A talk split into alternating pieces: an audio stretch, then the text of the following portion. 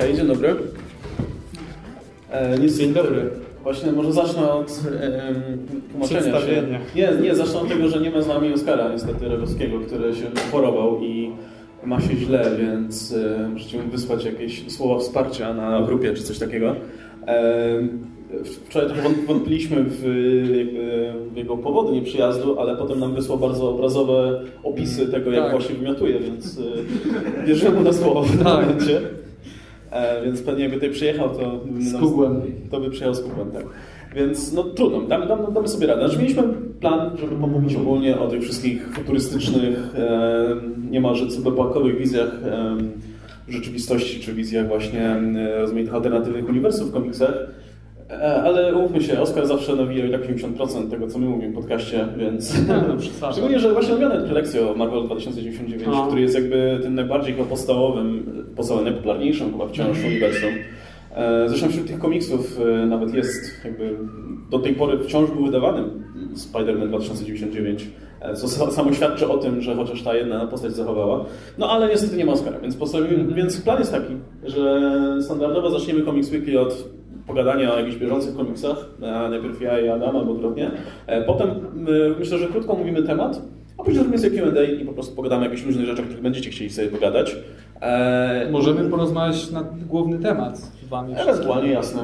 Więc liczę na Wasz udział. Musicie się wcielić w Oscara tutaj i jakby do, dopełniać tutaj naszego, naszego podcastu. Mam nadzieję, że tam się nagrywa, bo zawsze, jak, zawsze ktoś jęczy, że nie jest nagrane, więc tym razem nagrywamy to. E, No dobra, to zacznijmy w takim razie. E, Ja się nazywam Łukasz Stelmach, to jest Adam Antolski i zaczniemy może od pomówienia właśnie o tym, co ostatnio czytaliśmy ciekawego. E, I zacznę od Adama, e, bo, bo Ty czytałeś... Nie, nie wiem, bo jest ten komiks i to nie ma nic wspólnego w ogóle z futurystycznym tematem, chociaż może trochę. Trochę. E, jest ten komiks, którego ja nie czytam z, z pełną świadomością i No. em, premedytacją, ale planuję kiedyś nadrobić. I to jest Doomsday Clock. To jest ten komiks, który pierwotnie miał być bardzo ważny dla uniwersum DC, do którego były budowane wydarzenia, e, gdzie mieliśmy e, Duży teaser przy DC Rebirth. tak, jak wyszło DC Rebirth 1, to tam się pojawiały rzeczy, które potem miały zostać wyjaśnione właśnie w jakimś tam komiksie i potem zapowiedziano Doomsday Clock, który miał nawiązać do Watchmen. E, i wszyscy myśleliśmy, że tam przyjdą ważne odpowiedzi i to da nowy kierunek uniwersum DC, ale w międzyczasie okazało się, że są opóźnienia, że ten komiks jakby toczy się własnym torem, a inni autorzy robią swoje. I e, Dark Knights Metal zrobiło swoje, teraz leci sobie Justice League i nikt się specjalnie tym Do- Doomsday Clockiem nie przejmuje. Nie? Czyta- Czytałeś to w miarę na bieżąco? Tak, tak, tak. I jakby nikt nie bierze na razie wydarzeń z Doomsday Clock pod uwagę. Wydarzenia z Doomsday Clock w ogóle są jakoś, wiesz, niecały rok do przodu. Więc Mhm. jak gdyby w głów... jeżeli popatrzysz na główne uniwersum DC, to nic się z tego jeszcze nie wydarzyło. I o ile Doomsday Clock jest pisane z taką, wiesz, z takim założeniem, że to będzie, że to gigantyczne wydarzenie, które zmieni wszystko, to tak naprawdę nic nie zmienia na dobrą sprawę. Jak gdyby są tam ci Watchmeni, którzy nie mają zbyt dobrego wprowadzenia i zbyt dobrego wyjaśnienia, Tak, ten- co oni tam robią Też cholery takie krótkie wprowadzenie, czy ktoś nie czytał, czy albo nie wie o co chodzi. Pierwszy, pierwszy zeszyt Doomsday Clock pokazywał nam z jednej strony uniwersum, w którym działo się Watchmen, Alana Tak. Moore'a i dalsze losy tego uniwersum, to co się wydarzyło po finale Watchmen, a druga połowa tego komiksu to było to uniwersum mainstreamowe DC z Supermanem i tak dalej. I one miały się w jakiś sposób dalej zazębiać. Rozumiem, że się zazębiają To dalej. znaczy, nie, w momencie jak Ozymandias już trafia do uniwersum DC, uniwersum Watchmen już nie istnieje. Aha, okej. Wszystko się dzieje w Wszystko mainstreamowe. się dzieje w DC, Okej. więc E, Czy tam dzieje się coś ważnego? Nie.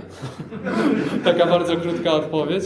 E, No dowiadujemy się o tym, że ta wielka, tajemnicza niebieska siła, która była teasowana przez ostatni, nie wiem, rok, półtora w komiksach, gdzie co chwilę, wiesz, coś się działo i uu, to zrobiła jakaś wielki, wielkie coś niebieskiego, jakaś niebieska ręka i to wszystko to, tak, to jest Doktor Manhattan, jeżeli się jeszcze nie domyśleliście, to, to mamy już potwierdzenie na 100 jest pewne. To- czy wiemy coś, o co mu chodzi?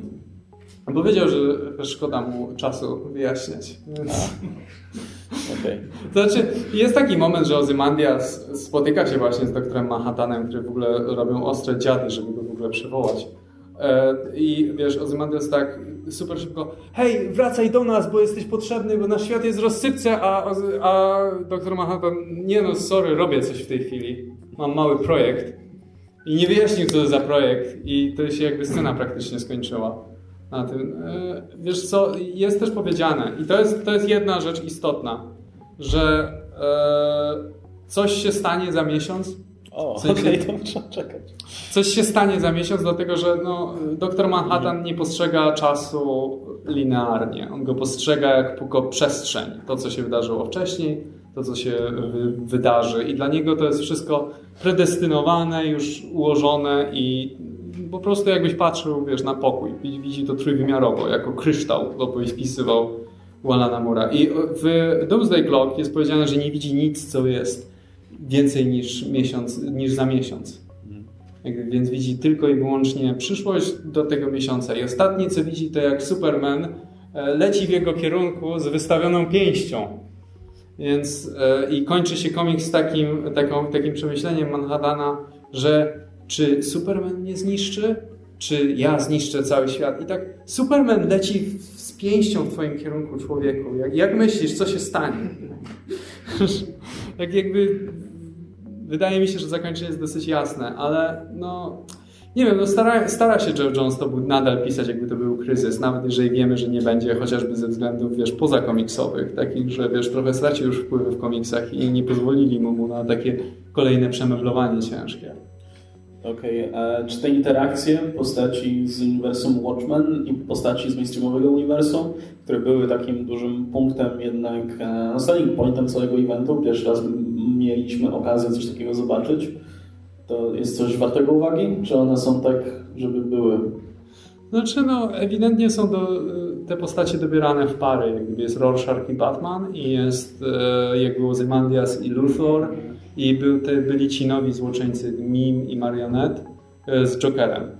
Więc i jest jeszcze komediant do tego, no bo to, to, też to wplątany, no bo to wiesz, haha, wszyscy są błaznami tutaj.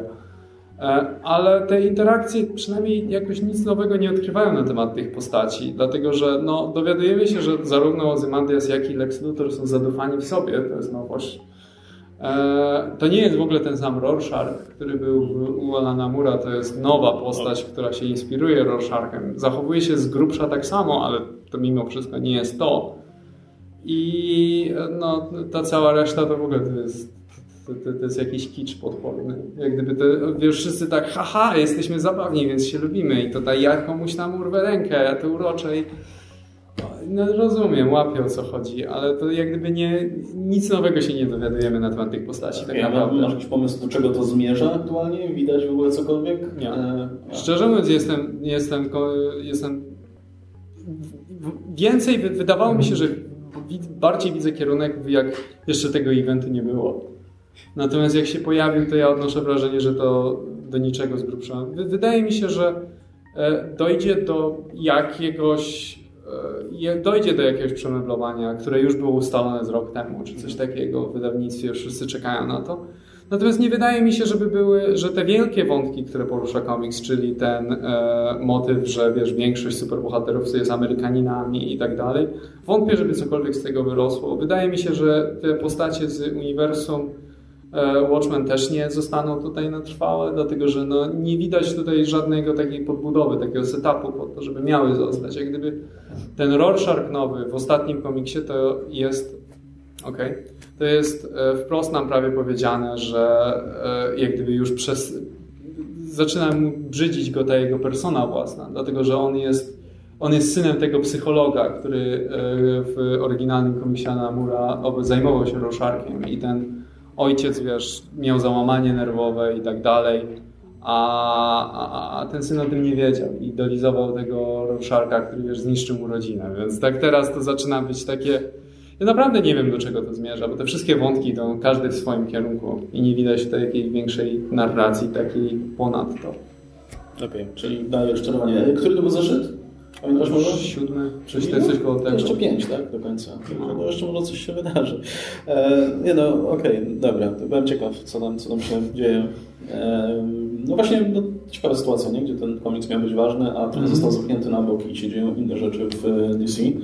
E, coś innego ważnego się dzieje w DC poza Heroes in Crisis w tym momencie? Nieszczególnie. Giną, giną bohaterowie, tak? Giną bohaterowie. No, no to się dzieje, że będziemy zabijać bohaterów randomowo. Wracamy, wracamy do starych, dobrych czasów, kiedy co tydzień ktoś musiał umrzeć nowy. Że teraz, teraz z, hurtowo z 10 zabijemy za, za jakiś miesiąc. Właśnie, o właśnie, to jest to, co nie gadaliśmy o tym, znaczy nie, nie mówiliśmy o tym, że mamy o tym gadać dzisiaj, ale coś z zaskoczenia zapytam. Co myślisz o śmierci Wally'ego Westa? No ja, myślę, ja pamiętam, jak w Comics Weekly mieliśmy jakby rozmowy w ogóle na ten temat, że fajnie, że wraca, bo to była pozytywna postać w całym uniwersum. Miał swój wątek ciekawy i e, przywrócono go po tym, jak został podmieniony na tego czarnoskórego nastolatka w New 52. E, włączono go znowu do uniwersum, zostawiając tamtego też. E, no a teraz jakby po tym całym budowaniu tej postaci, żeby ona znowu miała swoje miejsce w tym uniwersum, e, no została ubita. Czy myślisz, że w ogóle, pierwsze, czy uważasz, że to w ogóle jest na stałe, że to jest po prostu taki, wiesz, żeby podbić ważność eventu tylko, a potem to ktoś odkręci. E, a jeśli to na stałe, no to, to, to co myślisz na ten temat? Bo ty byłeś fanem tej postaci tak, i cieszyłeś się, tak. że ona wraca, więc dlatego cię pytam o to. No to, to jest najlepszy Flash, tak na dobrą sprawę, ale... Ja myślę, że w ogóle masa osób, nawet jak czyta komiksów, to kojarzy Flasha głównie z Wally Westem. Tak. Przez, przez e, animację, animację gdzie no. e, wydaje mi się, że te cechy Wally'ego Westa z animacji, to, że on jest, był takim comic reliefem trochę drużyny, trochę przeniknęły na Barego Allena w takiej powszechnej tak. świadomości, nie? Nie, ale w ogóle teraz jak się pisze Barego Allena, to jest, to jest Wally. Po prostu jest bardzo... Barry Wallen, tak? Przepraszam. No to jest Barry Wallen w efekcie. E, ale nie, do Twojego pytania, no wiesz co, to jest tak beznadziejnie zrobione poza kadrem, że ja mam nadzieję, że to jest jakaś zmyła i że to jest, wiesz, że to się nie dzieje naprawdę, bo jeżeli jest, to wow. E, obawiam się, że to jest psztryczek w nos w stronę Jeffa Jonesa, gdzie wiesz, stracił swoje wpływy w wydawnictwie. Wally West to było takie jego dziecko, symbol jego rebirth, jego, jego koncept, żeby go wrócić i tak dalej. Teraz Dan Didio odzyskał trochę swoich wpływów, więc, więc pierwsze co zrobił to zabił Wally'ego Westa. Jest to dla mnie najgorsze w tym wszystkim jest to, że on miał całkiem interesujący wątek, który się ciągnął od dłuższego czasu, który nie zosta który zostaje wiesz, ucięty w tym miejscu. I to jest wątek jego rodziny Dlatego, że Wally był przed Flashpointem, był znany jako gość, który ma rodzinę, ma żonę, ma dzieci i tak dalej, które też mają swoje supermoce. I, yy, i, I wiesz, w momencie jak wrócił, to nie miał tych wszystkich relacji. I teraz on powoli zaczynał odbudowywać, orientować się, co się dzieje. Dowiedział się na przykład, że jego dzieci są uwięzione gdzieś tam w Speed Force i dążyło wszystko do tego, jak do tej pory, że będzie jakieś rozwiązanie tego wątku, którego teraz nie mhm. będzie, pod racji tego, że e, e, główny bohater umarł. I pytanie brzmi, czy wiesz, czy po prostu ludzi w zarządzie DC, czy na przykład Toma Kinga to nie obchodzi i, i nie interesuje to i po prostu chcieli ten wątek, bo musimy zabić Flasha, e, czy to jest właśnie zmyła i to może nawet będzie mocniej zawiązane później. E, no właśnie, bo te śmierci w Heroes in Crisis, z tego co mówiłeś, były takie bardzo... Znaczy nie widzisz żadnych śmierci, no to są zwłoki. Tak, jest... ale one też były zapowiadane wcześniej, bo no. kto zginie, kto będzie tak. mordercą. I teraz dowiadujesz się w tym pierwszym komiksie, okej, okay, ci już nie żyją. No dobra, to dobrze. Mamy to z głowy, to jeszcze zgadniemy, kto jest mordercą w takim razie. Tak. Ale wiesz, no y, to w ogóle ten cały, y, ten cały ośrodek pomocy to tak kiepsko wyszedł, bo jak gdyby prawie wszyscy umarli. tak jak gdyby. No tak. Ten wniosek tego, że lepiej jak masz jakąś traumę albo PTSD, to nie idź do żadnego ośrodka, bo cię zabiją. No jak gdyby w momencie, jak zapowiadali pierwszy raz tę historię, to właśnie to miało być takie e, przemyślenia na temat PTSD, na temat, wiesz, tego, jak, jak tego typu traumy cię dotykają, bo Tom King ma przeszłość militarną. No tak. A, I to wydawało mi się, wiesz, naprawdę fascynujące, jak to odnieść do superbohaterów, bo wydawałoby się, że oni by mieli traumy non-stop. Nie tylko, wiesz, takie rzeczy jak Batman, który, wiesz, przez traumę się stał Batmanem, ale takie traumy na bieżąco. Z ostatnich akcji, czy ze straconych, wiesz, przyjaciół i tak dalej. I nie, bo pierwszy komiks właściwie zapowiada po prostu tajemnicę kryminalną, czy coś czymś kompletnie innym. I naprawdę nie, wydaje, mi się, że, wydaje mi się, że tutaj gdzieś w którymś momencie, wiesz, preprodukcji konceptualnym doszło do dużej zmiany kierunku tego, w jakim idzie. Tak, nie, Tom King pamiętam mówił jakiś czas temu o tym projekcie, no. że ma taki projekt i jest... Nie przejmuj się. Jest nim bardzo zainteresowany. E, I to wiesz, nie było tak, że po prostu, wiesz, on myśli sobie ten koncept, no. poszedł z nim do, wiesz, na górę, no. przedstawić go a Dan Didio stwierdził, o kurde, Identity Crisis 2, róbmy. E, będą śmierci, będzie poważnie i, e, i wszystkim się będzie podobało. No brakuje jeszcze gwałtów. To jeszcze muszą być gwałty gdzieś pod jeszcze, jeszcze przed nami. E, no, ale no, to, trochę, trochę tak to wygląda, nie?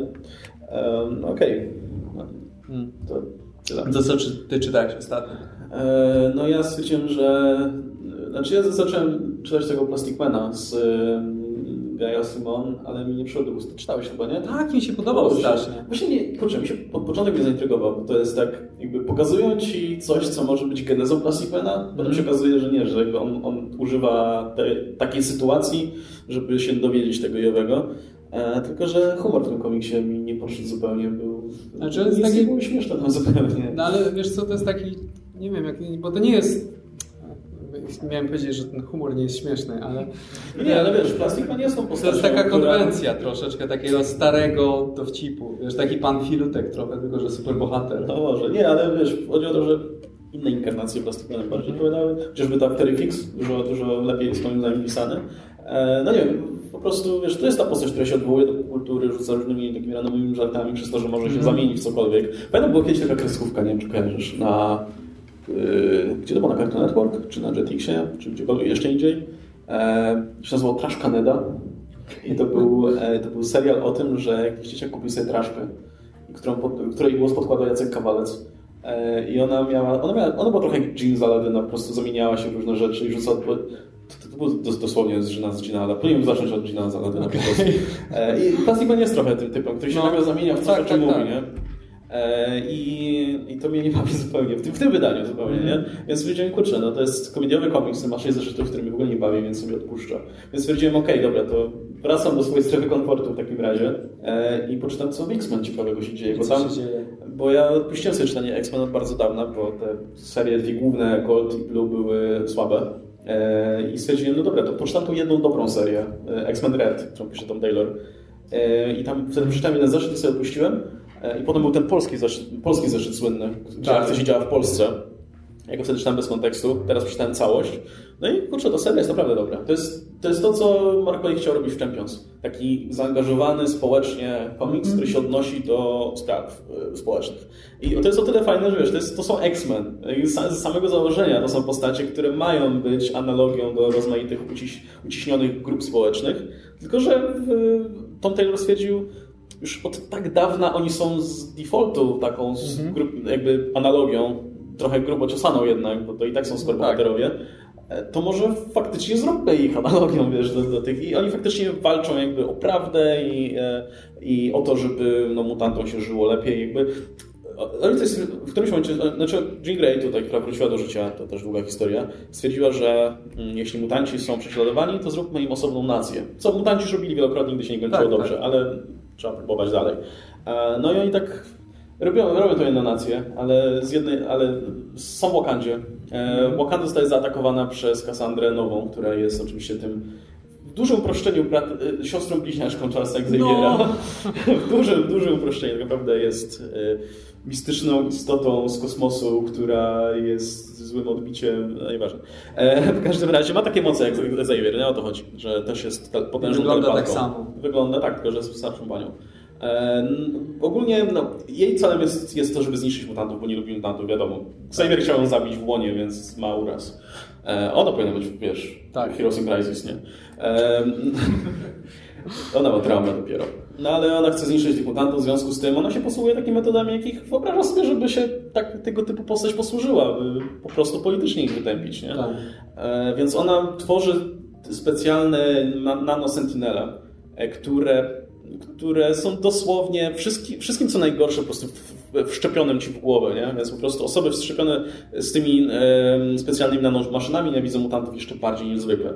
E, I w związku z czym ci mutanci są przypędzani od Wakandy do Atlantydy, z Atlantydy jeszcze gdzieś indziej, e, a jednocześnie próbują jakby ratować swoich pobratymców i tak dalej. I to jest bardzo klasyczne w swoim tonie. Jak mutanci ratują mutantów, a z drugiej strony jest sporo tak, takich, takich społecznych elementów, które są, myślę, dużo subtelniej potraktowane niż Wade'a, bo też bohaterowie mają charakter i głównie ci zależy na tych bohaterach przede wszystkim. Nie jest tak jak Wade'a, który bardziej jednak e, skupiał się na tym społecznym aspekcie, zupełnie zapominając o tym, że to jest, jest komiks o konkretnych bohaterach nie? i e, nie chcesz czytać rozprawy uświadamiającej ci, co robi źle, tylko komiks, który jakby subtelnie przemyca te treści. Nie? E, a Tom Taylor naprawdę łapie te postacie. Nawet Jim Grave w jego wydaniu jest dużo ciekawszą postacią, bo to też są postacie przede wszystkim, które popełniają błędy, które nie mają, nie są wszechwiedzące i to jest, to jest, to jest super. Nie? Ja mam do Ciebie pytanie, e, bo w tym polskim zeszycie pojawił się e, mutant polski, który był taką jaszczurką. Jak on miał na imię? Andrzej? Mm, coś, coś w tym stylu, Stefan, coś takiego. Antoni, o, Antoni. Antoni, Antoni. Czy on cokolwiek później się pojawił? Nie, czy nie, no, jest, jest tutaj, jakby oni im dają azyl w, mm-hmm. na Atlantydzie i tyle.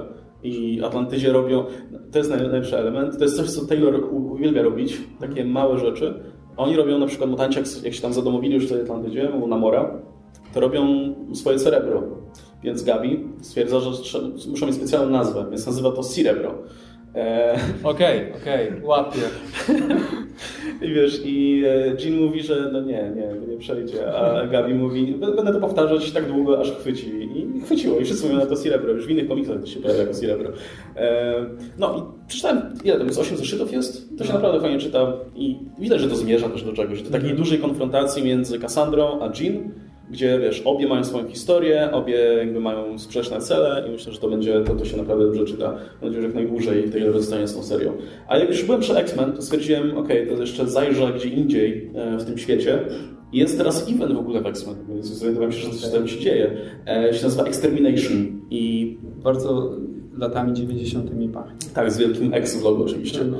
E, to jest, to jest duże nawiązanie do lat 90., głównie dlatego, że Cable jest główną postacią tutaj ale nie ten zwykły Cable, tylko młodszy Cable, okay. co jest, wiesz, co ma sens, bo też ten komiks, czy raczej, to jest miniseria taka, wiesz, mm -hmm. która myślę, że nie jestem pewien, bo nie czytałem, ale wydaje mi się, że ona wychodzi bezpośrednio z X-Men Blue, czyli tego komiksu o tej młodej ekipie mutantów. No i ona polega na tym, że pojawia się ten młody Cable, z jakiegoś powodu chce wyłapać tych wszystkich młodych, oryginalnych X-Men, którzy jeszcze, wiesz, tych co Bendis tam wprowadził tak, w tak. 2012 Jakim wciąż są no są, no bo byli. Nikt jakby nie wymyślił sposobu, żeby ich, e, wiesz, cofnąć.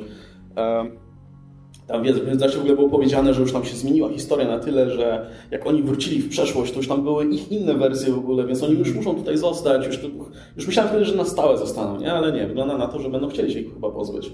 E, bo, bo tak to na razie wygląda. Bo z jednej strony poluje na nich ten młody Cable, który w ogóle zabił starego Cable'a, więc nie ma Cable'a teraz już w komiksach. Znaczy pewnie zaraz wróci, ale na razie nie ma. E, plus jeszcze poluje z drugiej strony na nich Ahab, Ahab, mhm. E, który jak zwykle tam poluje na nich, nie wiadomo jeszcze z jakiego powodu. Mm, więc to, to się czyta tak, szczerze mówiąc, ale mam nadzieję, że to się skończy tym, że się pożegnamy tych młodych mutantów. E, Taylor będzie pisał swoje rzeczy, a te klasyczne ty tytuły z X-Men jakby, wiesz, wrócą do siebie i, i dostaną jacyś fajni scenarzyści, bo też trochę zaniedbane te serie były od dawna, nie? Więc mam nadzieję, że to jest sprzątanie wielkie tego całego zakątka uniwersum. Szczególnie, że Dark Phoenix się zbliża. Mhm. Co by nie mówić o tym filmie, to jednak zawsze film pustuje sprzedaż komiksów.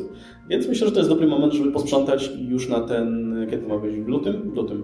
E, żeby na ten luty już być, wiesz, gotowym, żeby ludzie przyszli i mieli faktycznie co czytać, nie? Nie, nie 38 zeszyt X-Men Gold, gdzie nie wiadomo co się tak. dzieje. No, więc... Y, A nie szkoda Ci trochę tych młodych mutantów? Nie, nic mi szkoda. nie, jestem co, nawet w tym komiksie, w tym Extermination są tak pisani, że nie, nie jesteś w stanie ich lubić. Jean, ta młoda Jean -hmm. jest tak upierdliwa, jest wiesz, tą, tą dziewczyną, która cały czas e, jakby bez twojego pozwolenia ci czyta myśli i rzuca ci sugestie jakieś, wiesz, zupełnie bez, bez żadnych oporów.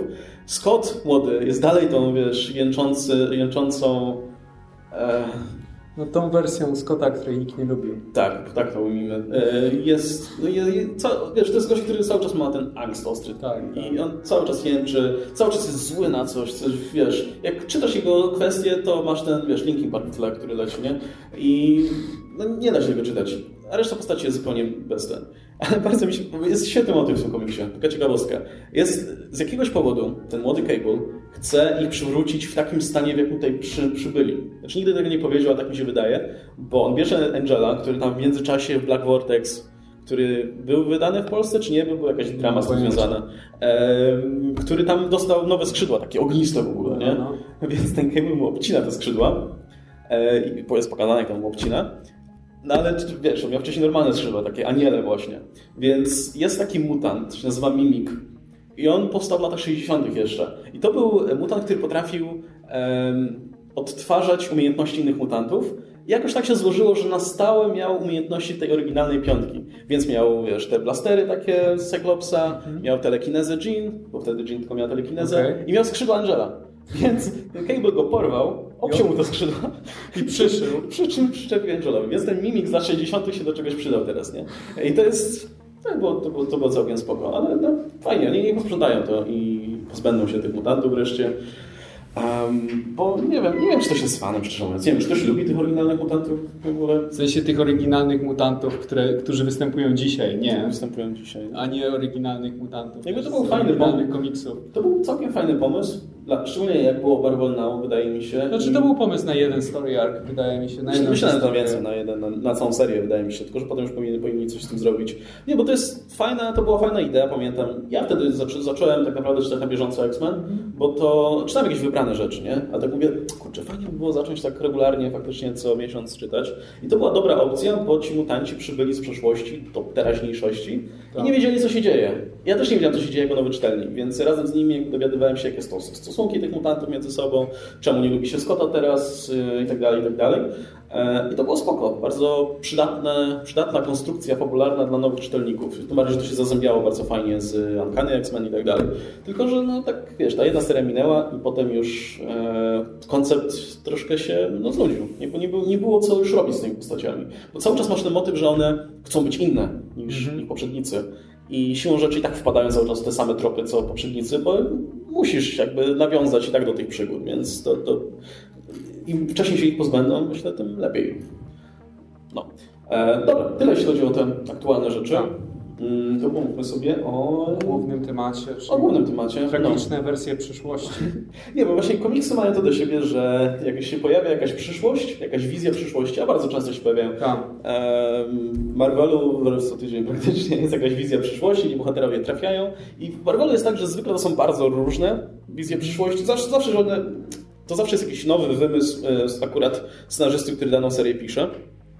I tam wiesz, zawsze przyporządkowujesz to, że o, to jest Ziemia 2, 8, 7, coś tam, nie? Mhm. I to jest za każdym razem jakaś nowa, nowa wersja rzeczywistości. I masa tych wizji była, okazała się na tyle interesująca i na tyle mm, dobrze napisana, że stały się jakby swoimi własnymi uniwersami, które tam żyją. E, uniwersum Logana, myślę, jest najlepszym mhm. przykładem. Cieszyło się. I to była jedna, jedna historyjka w normalnym ranie Wolverina, który wtedy, tak. wtedy wychodził. Po prostu nagle przyszedł Mark, Mark Miller i okej, okay, to jest historia na dzieje przyszłości. Ludziom się tak to spodobało, bo to była taka bardzo um, eksploatatywna, powiedzmy, wizja z masą krwi, tym brutalnym światem, takim troszkę kiczowatym. Postapo takie no, gdzie i też, wiesz, bardzo ciekawe wizje ogólnie tych, tych bohaterów były, nie? łącznie z tym ślepym Hokajem i Wolverinem, tak. który obiecał, że nikogo nie, zabije, nie, nie użyjesz swoich szponów. Nie, ale to, że w ogóle widziałeś jak gdyby ślady tych dawnych superbohaterów, których już tam nie było. I... Nie, masz to przeświadczenie, że oni zginęli, tak. już ich nie ma. I... Ale nadal pozostawili swoje dziedzictwo, jak gdyby, które było wciąż odczuwalne w tym. No. Wiesz, jak jeżdżą w Spider-Buggy przez mhm. cały komiks tak. i tak dalej. Więc to było bardzo interesujące dla mnie spojrzenie na te, na te no. rzeczy, które ci się wydają wiesz, wieczne na dobrą sprawę.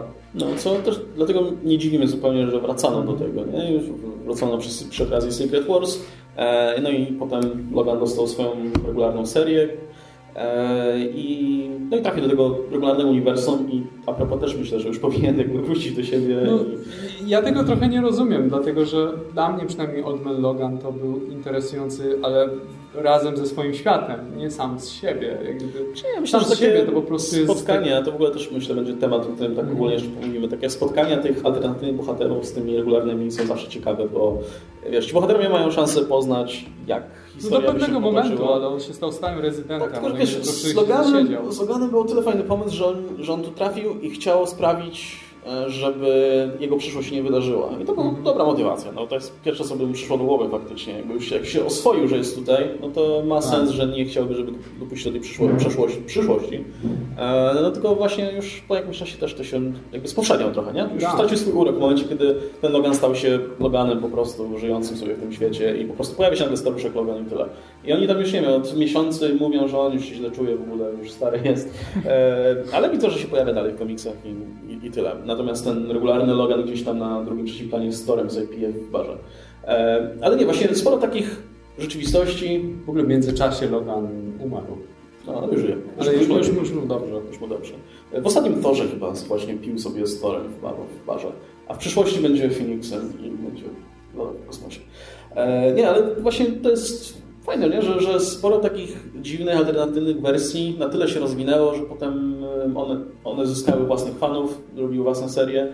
I sporo przykładów. Właśnie nie wiem jak DC, Marvel na pewno jeszcze wymienił, nie wiem, Age of Apocalypse na przykład, do którego też bardzo często wracano, bo to też jest to bardzo fajne uniwersum, gdzie Charles Xavier zginął, więc Magneto przejął jego rolę i on się też dobrze sprawdzał o tym, ale w związku z tym Apokalips mógł podbić Ziemię wcześniej, więc to zupełnie inaczej wygląda, ale jednocześnie masz a jeszcze co fajne zrobił ten event e, i co jest fajnego w tym świecie, to, te, to że postacie marginalne wcześniej mhm. tutaj jakby dostały szansę zaistnieć, nie? typu Blink na przykład. I e, sporo, sporo było takich zmian.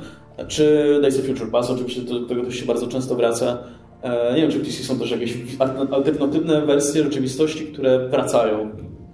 Alternatywne wersje ten... Y Natomiast trochę inaczej z tymi ziemiami. Znaczy, to, to, jest część krajobrazu, że masz inne znaczy, Tak, to jest zupełnie normalne. To jest tak, jak masz inne kraje albo inne kontynenty. To są daleko i niewygodnie się tam trafia, ale, ale możesz, nie ma większego problemu. Jeśli masz wystarczająco pieniędzy i, wiesz, i czasu na podróż. E, I alternatywne wersje, które wracają takiej przyszłości ewidentnej, to jak gdyby dla mnie to jest za każdym razem będzie ilekroć Darkseid podbił ziemię.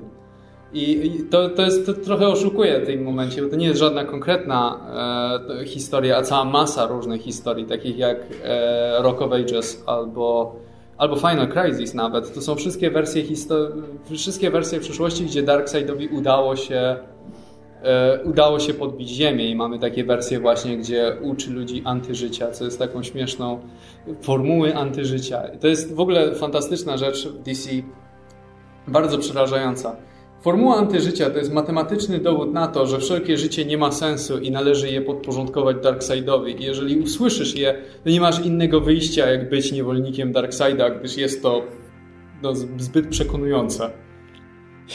Wystarczy, wystarczy powiedzieć, przekazać w telewizji czy tak dalej i wszyscy, którzy tylko raz usłyszą to równanie, to natychmiast rozumieją to, że są, że nic poza Darkseidem nie istnieje. Darkseid jest Mam nadzieję, że wszyscy wiedzą, kto to jest Darkseid. Nie muszę tego tłumaczyć, bo to by, było, to by zajęło godziny.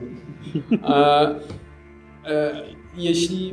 Wydaje mi się, że jeszcze troszeczkę wracali do One Million.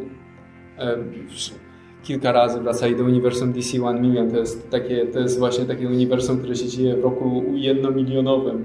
To tam Morrisonowe jest. Tak, to jest Morrisonowe i, i, i tam, tam jak gdyby historia się toczyła o to, że e, e, słońce miało się zepsuć.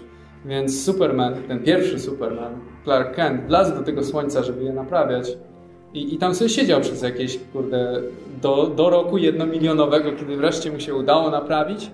I w związku z tym e, ta ówczesna Liga Sprawiedliwości cofnęła się w czasie do czasów jakby współczesnych żeby wziąć tą klasyczną Ligę Sprawiedliwości do roku jednomilionowego, czyli to jest najdalej w przyszłość, jak kiedykolwiek ktoś zobaczył.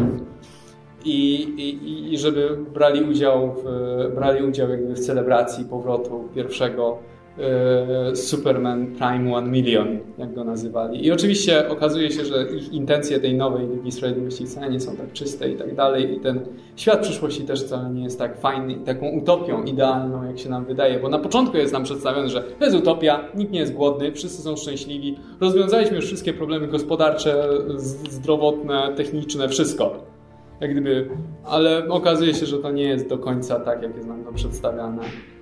E, no i taki jedna wizja, która wraca i to jest, to, to pierwotnie nie był kanon, ale dołączyli, to jest Kamandi, który został włączony do, e, został włączony do kanonu i teraz ilekroć się przenosimy do świata Kamandiego, gdzie widzimy te ruiny i tak dalej, to widzimy jakieś muzeum Supermana. Tak, tak, tak no, bo generalnie dla tych, którzy nie wiedzą, Kamandi to jest plagiat planety małp, tylko że zamiast małp mamy inne zwierzęta. Różne. Różne. Mamy tam mamy tygrysy, mamy e, tam... Misie Misie tygrysy. Jak, jak to misie? To jest 1 z 10. Okej. nie, mamy tygrysy, są, są lwy i... Konie? Koń też są, też są konie. Są, są różne zwierzęta, ale jak teraz, jak teraz wracamy jak gdyby do tego uniwersum Kamandiego, to jak gdyby i widzimy te ruiny Ameryki i tak dalej, no to się pojawiają też rzeczy takie jak Muzeum Flasha, Muzeum Supermana i tym Okay. podobne rzeczy, więc to jest włączone do, e, włączone do uniwersum e, DC. Był też taki komiks, który się nazywał Superman at World's End. Nie. Ale to, to jest kanoniczne dalej, czy, czy nie? To nigdy nie było kanoniczne, tak naprawdę. E, To, to, to, to jest taki niezbyt dobry komiks, gdzie jest Superman jako święty Mikołaj, dosłownie z miniganami lata dookoła i, i to jest też w uniwersum Kamandiego. To było tak, że on tracił te moce swoje? Tak. Tak. No i więc nie, zapuścił długą brodę i biegał z tymi wielkimi broniami i walczył z y, sklonowanym podwójnym Hitlerem. Tak, i ten podwójny sklonowany Hitler e, sklonował e, Batmana, żeby z nim walczył. I ten Batman, i ten, i ten Batman był takim, kurde, gargulcem trochę, czy czymś. E, I, i, I Superman go pokonał jednym ciosem, czy coś. I potem pali jego zwłoki i mówi, że to wszystko było przez, to wszystko było przez broń palną, bo jakby nie było broni palnej, to by ni- nie było zła na świecie. I tak się komiks kończy. Bardzo to było wzruszające. E, Nie, ale właśnie większość tych wizji przyszłości jest taka jednak bardzo pesymistyczna. I ten One Million, nawet jeśli No. zakulisowo to nie wyglądało tak, jak miało wyglądać, to i tak rzeczywistość, która na pierwszy rzut oka wygląda ok, to i tak jest mniejszość jednak. Nie? Zazwyczaj jak już masz e, wizję przyszłości, Mm. to praktycznie zawsze jest po prostu jakaś dystopia. Zawsze tam po prostu Ruiny. no, Nawet jeśli nie ruiny, to wiesz, ktoś kontroluje wszystko, Tak. ktoś, ktoś podbił ziemię. E, Był ten w DC cały motyw z Monarkiem, nie? Z, Tak. Gdzie też masz tą przyszłość, gdzie jeden z bohaterów podbił wszystko i e, tam była oczywiście ta drama zakulisowa, ale to swoją drogą. E, no i masz, mamy właśnie 2099 uniwersum. Właśnie w Marvelu jedna, jedna z, właśnie z tych popularniejszych alternatywnych uniwersum, do których bardzo często wracano, e, gdzie to był pierwotnie imprint, który skupiał cztery tytuły, zdaje się e, Punishera, Spidermana, e, Duma i e, była ta nowa postać z e, Stanali e, Rała czy czegoś tak. E, Później dodawano tytuły, odejmowano tytuły, ale to był taki imprint, to był grono tytułów, wydawanych razem, jako w ramach jednej linii, nad którymi czuwał osobny edytor w ogóle, znaczy redaktor, co było spoko, bo, te tytuły, bo one były spójne bardzo ze sobą, y, trzymały się faktycznie kupy. E, No tylko, że oczywiście to popularność tego imprintu wybuch- wybuchła w latach, na początku lat e, 90., kiedy bardzo modne były takie cybernetyczne, znaczy cybernetyczne, takie cyberpunkowo-futurystyczne motywy, Postapo. dystopie przyszłości. E, W 87 był Predator, w 90 Tak. była Pamięć Absolutna, w 92 był e, Predator, e, Predator Terminator 2, Mhm. a ten imprint chyba w 93 powstał, więc jakby to się... z- Był, były klimaty ku temu. Natomiast później tracił popularność w ciągu, nie wiem, dwóch, trzech, trzech, chyba czterech lat. No i tak dogorywał do 98, coś koło tego. Ale dalej wracają do tego i ten komiks zresztą tutaj jest dowodem na to, że cho, chociażby ten Spider-Man. No i to był ten świat, gdzie, ym, gdzie tam była taka bardzo patologiczna krytyka korporacji, em, świata przyszłości, gdzie liczą się media, korporacje i wiesz, i, i, i wszyscy, głównie się, masa rzeczy się na tym skupiała. Nawet, nawet nasz Miguel O'Hara, który był właśnie ówczesnym Spider-Manem, też pracował w wielkiej korporacji Alchemax, która była w zasadzie parodią korporacji tak naprawdę. E, więc e, to, to był taki popularny motyw, e, co myślę, że e, wynika z tego głównie, że zawsze, że to był taki bardzo łatwy sposób, żeby podbić stawkę, żeby ci bohaterowie Tak. zawsze mieli z czym walczyć. E, no bo gdy wymyślisz sobie wizję przyszłości, która jest spoko, to nie, nie, nie masz tej stawki, musisz wymyślić ją zupełnie od zera. A tak? Wymyślasz świat, gdzie masz korporację, albo gdzie ktoś podbił e, całą ziemię, albo na przykład miałeś ten e, komiks ostatnio, też ze Spider-Manem, ten Renew Your Buffs, Renew Vows. gdzie też jest motyw z tym, jak się nazywa ten? Re, re, re, Region, tak? Tak. Z tym... Reabsorbował moce innych superbohaterów i tak dalej.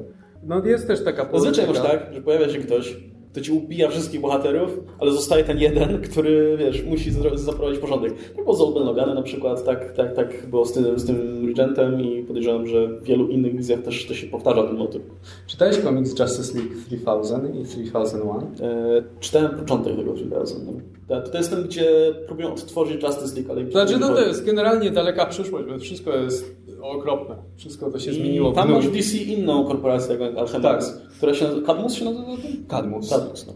E, Cadmus w ogóle się zajmuje wszystkimi fajnymi rzeczami, jak planowaniem, To jest mad science typowo, Tak, jest, bo jest jeszcze Star Labs, które jest trochę lepsze. Oni często robią dobre rzeczy. Nie zawsze, ale ten. Natomiast Cadmus to robią wiesz, tylko absolutnie najgorsze. sami, tak? tak. Klonujemy wszystko. Klonujemy wszystko. Wiesz, robimy jakieś dziwne hybrydy i tak dalej. Nie? Wiesz, e, potwory tak na zapleczu, jakieś bronie masowego rażenia i wszystko, co absolutnie najgorsze, to Cadmus robił.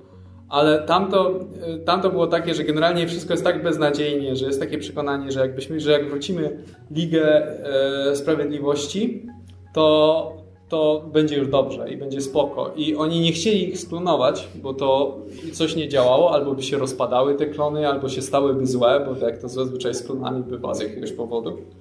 Więc wpadli na pomysł, że zrobią e, pasożyta, który będą podawać komuś i ten pasożyt to będzie... się skończy dobrze.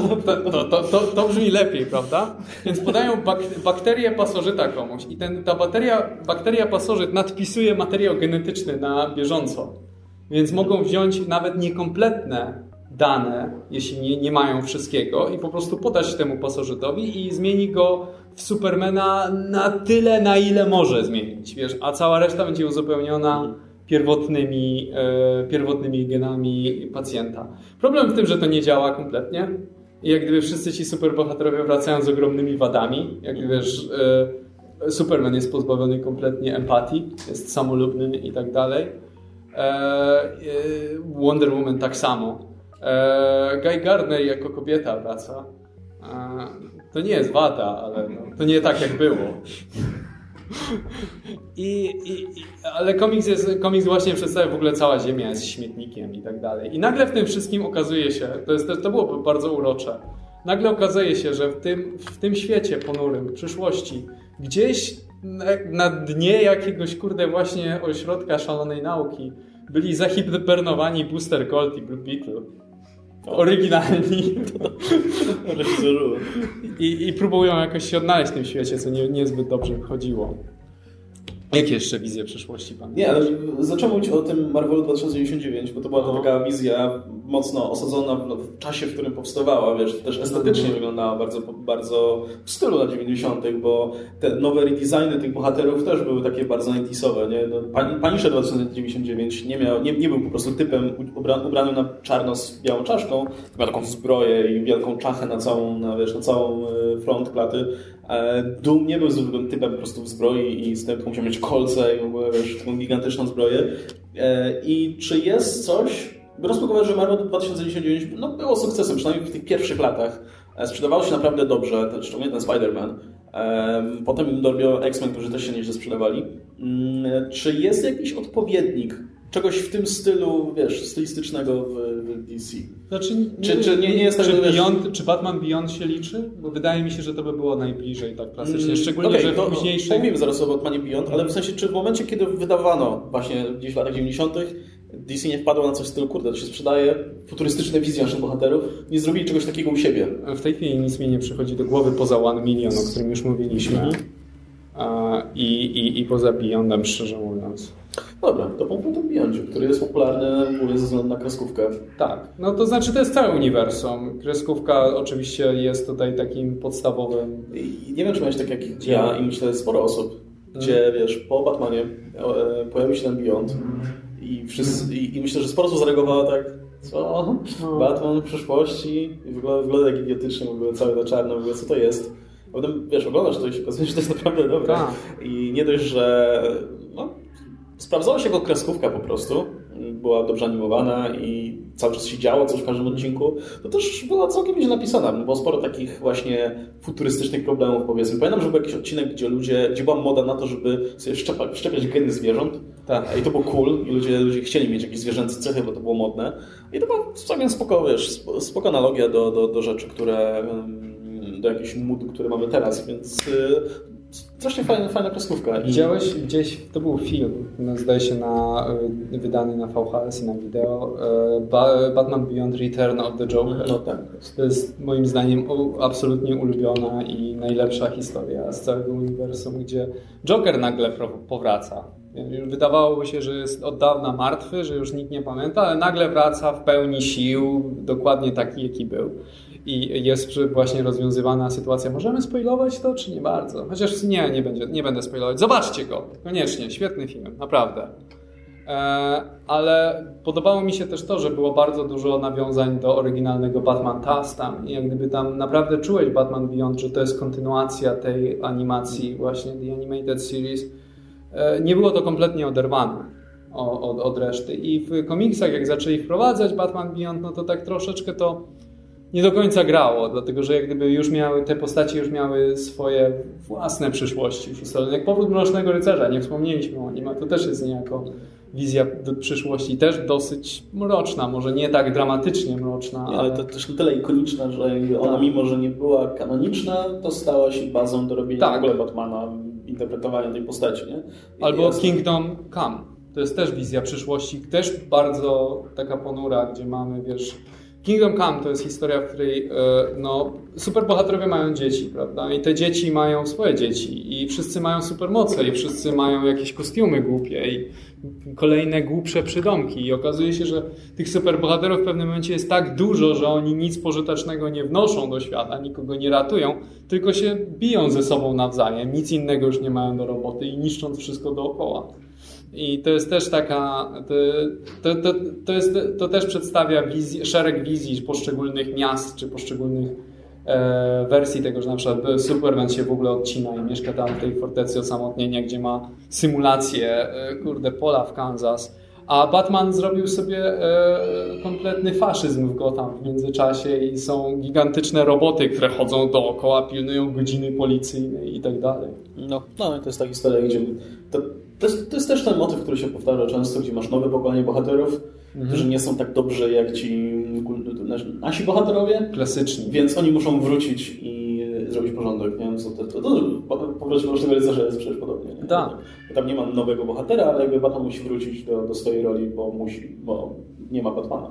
To znaczy, w powrocie Mrocznego Rycerza to bardziej był establishment jako nowy bohater, okay. jak gdyby, gdzie wiesz, Supermanowi pozwolono działać, bo służył establishmentowi jak gdyby urzędowemu, podczas gdy Batman był tutaj dzielnym libertarianinem i kurde, on sobie nie dawał w kaszę dmuchać, nie będzie przyjmować rządu, rządowych rozkazów i tak dalej. To, to była taka właśnie wizja Franka Millera co do tych dwóch postaci. Trochę nieuzasadniona do końca na dobrą sprawę, ale tak on to widział. E, jeszcze nawet bym wrócił do tego Batmana Beyond, bo... Mhm. Przepraszam najmocniej za dygresję. Dobrze, zobaczymy. E, nie, bo jedna rzecz jest taka, że właśnie sama kreskówka była spoko i bardzo próbowano odtworzyć jej sukces na komiksy, nie? więc mhm. E, zaczęto wydawać komiksy z Batmanem tak. Beyond, z Terry McGinnisem, który był Batmanem w tamtym uniwersum, tylko że zaczęto je wydawać po prostu jako adaptację serialu, po prostu tak. zeszyty były to dosłownie przeniesieniem na komiks odcinków serialu, co też nie jest niczym dziwnym, bo tak z Batmanem też robiono z tym The Animated Series. I to był pierwszy volume, chyba drugi był podobny. Był, była później seria, która była bardziej oryginalna, ale czytałem ją lata temu, więc wiele bym ci nie powiedział. Ostatnio się pojawił. E, ale potem, po, potem był ten taki nagle zwrot, że stwierdzono, do naszego uniwersum. Jak ludzie go lubią, to miejmy go u nas. E, I jak oni uprowadzili? Czy to jest jedna z wizji rzeczywistości? To jest alternatywna rzeczywistość? Czy to jest przyszłość? Czy jak? To jest alternatywna przyszłość nie do końca jasna. Jest, zależy kto pisze, to to jest takie, nie, nie, nie, nie pamiętam czy kiedy... To, to tak jak z 2099, tak, to jest takie...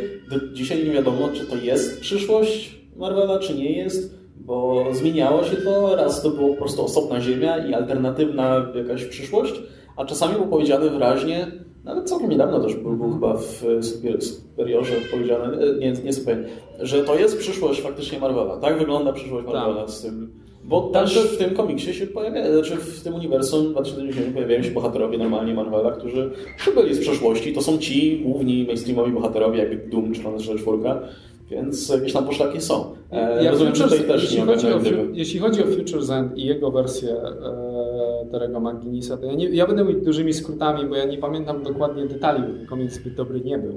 Ale jak gdyby w momencie, jak się pierwszy raz cofał przeszłość, to się nie przeniósł tak całą drogę w przeszłość, tylko się przeniósł tak na wpół przeszłość, tak 10 lat przyszłość nasza. I tam spotkał na przykład starszego Tima Drake'a który miał brodę i miał własny mhm. pub kraftowy prawdopodobnie. Bo... I wiesz, i... i... No to wiesz, jak y, zapuszczasz brodę, to automatycznie się pub kraftowy otwiera. I, I wiesz, i w pewnym momencie y, tam, tam działali. Te, sam, y, sam Tim Drake sprzyjał w momencie, jak Terry McGinnis zginął. Zginął. E, to e, sam e, Tim Drake przejął tę rolę na, przez jakiś czas. Przeniósł się znowu w daleką przyszłość, gdzie tam walczył jako jako Batman przyszłości. I on był w tym momencie tym Beyondem. Podczas gdy e, okazało się, że był e, złoczyńca, który się nazywał Spellbinder i on użył inny, ciała innego złoczyńcy, który się nazywał Rewire, który miał taki kostium, który miał sztuczne serce. Więc kostium, on... który miał... Tak, tak to działało. Jasne. W sensie on go nie mógł zdejmować czy coś. On musiał cały czas być w tym kostiumie, sztuczne serce. I on zamontował ten kostium na ciało Terego McGinnisa i jakoś go uratował i przy okazji mu e, wiesz, zrobił pranie mózgu, więc ten poszedł zabić e, Tima Drake'a. I Tim Drake go walnął pałą przez łeb, przez co się maska rozwaliła i się, ej, to jest Terry, a ten nie jestem Terry, jestem Rewire i ten i później, I później Terry jeszcze uderzył e, Barbarę Gordon, komisarz Barbary Gordon z przyszłości, którą też uprali mózg i później się robi tak cholernie skomplikowane. W każdym razie Terry McGuinness wrócił, przechodząc po, po, jeszcze po kilku rundach tej Polki i tak dalej. Ale no, w tej chwili w tej chwili chyba trochę przycichło, jakby ostatnio go w komiksach nie ma, prawda? Nie ma serii żadnej, nie, nie nigdzie występował Nikt nie kupował, nie? To jest właśnie ten problem, że nie, wydaje mi się, że nie da rady przenieść jednak tej kreskówki na, na komiksy, bo ona była na tyle specyficzna, też stylistycznie. E, tak, no wydaje mi się, że nawet, kostium. Wiesz, nawet kostium głównego tak. bohatera po przeniesieniu z tej konwencji kreskówkowej, gdzie on się opiera na tych ostrych, takich geometrycznych kształtach, uproszczonych bardzo. gigantyczne szczeny. Wszystko jest takie bardzo uproszczone i ten kostium fajnie wygląda, bo on też jest bardzo prosty, a w momencie, kiedy w ogóle ktokolwiek inny to, to, to rysuje i próbuje jakąkolwiek dawkę realizmu tutaj dać, to nie da rady, bo nawet nie wiesz, jak ta część, jak oczy otwór właśnie. gębowy działa w tym na tak. przykład. Oczy, no oczy są białe, nie? Ale tak, wiesz, tak, ale czy one powinny być takie duże na pół twarzy jak w animacji, czy one powinny być tak jak normalne oczy, czy jak to właściwie ma działać? Wiesz, to, bo widziałem to rysowane na dwa sposoby. Widziałem to rysowane jako takie małe oczka, takie jak ma Batman normalnie w swoim kostiumie. I to mhm. jeszcze w miarę wyglądałem, ale wyglądało, ale widziałem też taką wersję, gdzie gość po prostu rysował to oko tak idące przez kurde pół twarzy i to już wyglądało koszmarnie. Nie, wyobraź sobie filmową wersję, gdzie, gdzie dosłownie musiałbyś, nie wiem, jak to zrobić. Szczególnie właśnie tą część tutaj z no. twarzą, gdzie w kreskówce po prostu masz czarną szczękę i usta, które się normalnie poruszają na tym tle, gdzie, nie wiem, aktor musiał się pomalować. Tak jak wiesz, e, w Batmanach zwykle aktorzy tutaj mają pomalowane wokół a. oczu, żeby było czarne dookoła oczu, a mieli maskę, więc nie wiem, musieli mieć tutaj otwór i pomalowane, wiesz, dookoła ust. Wyglądało idiotycznie. W sensie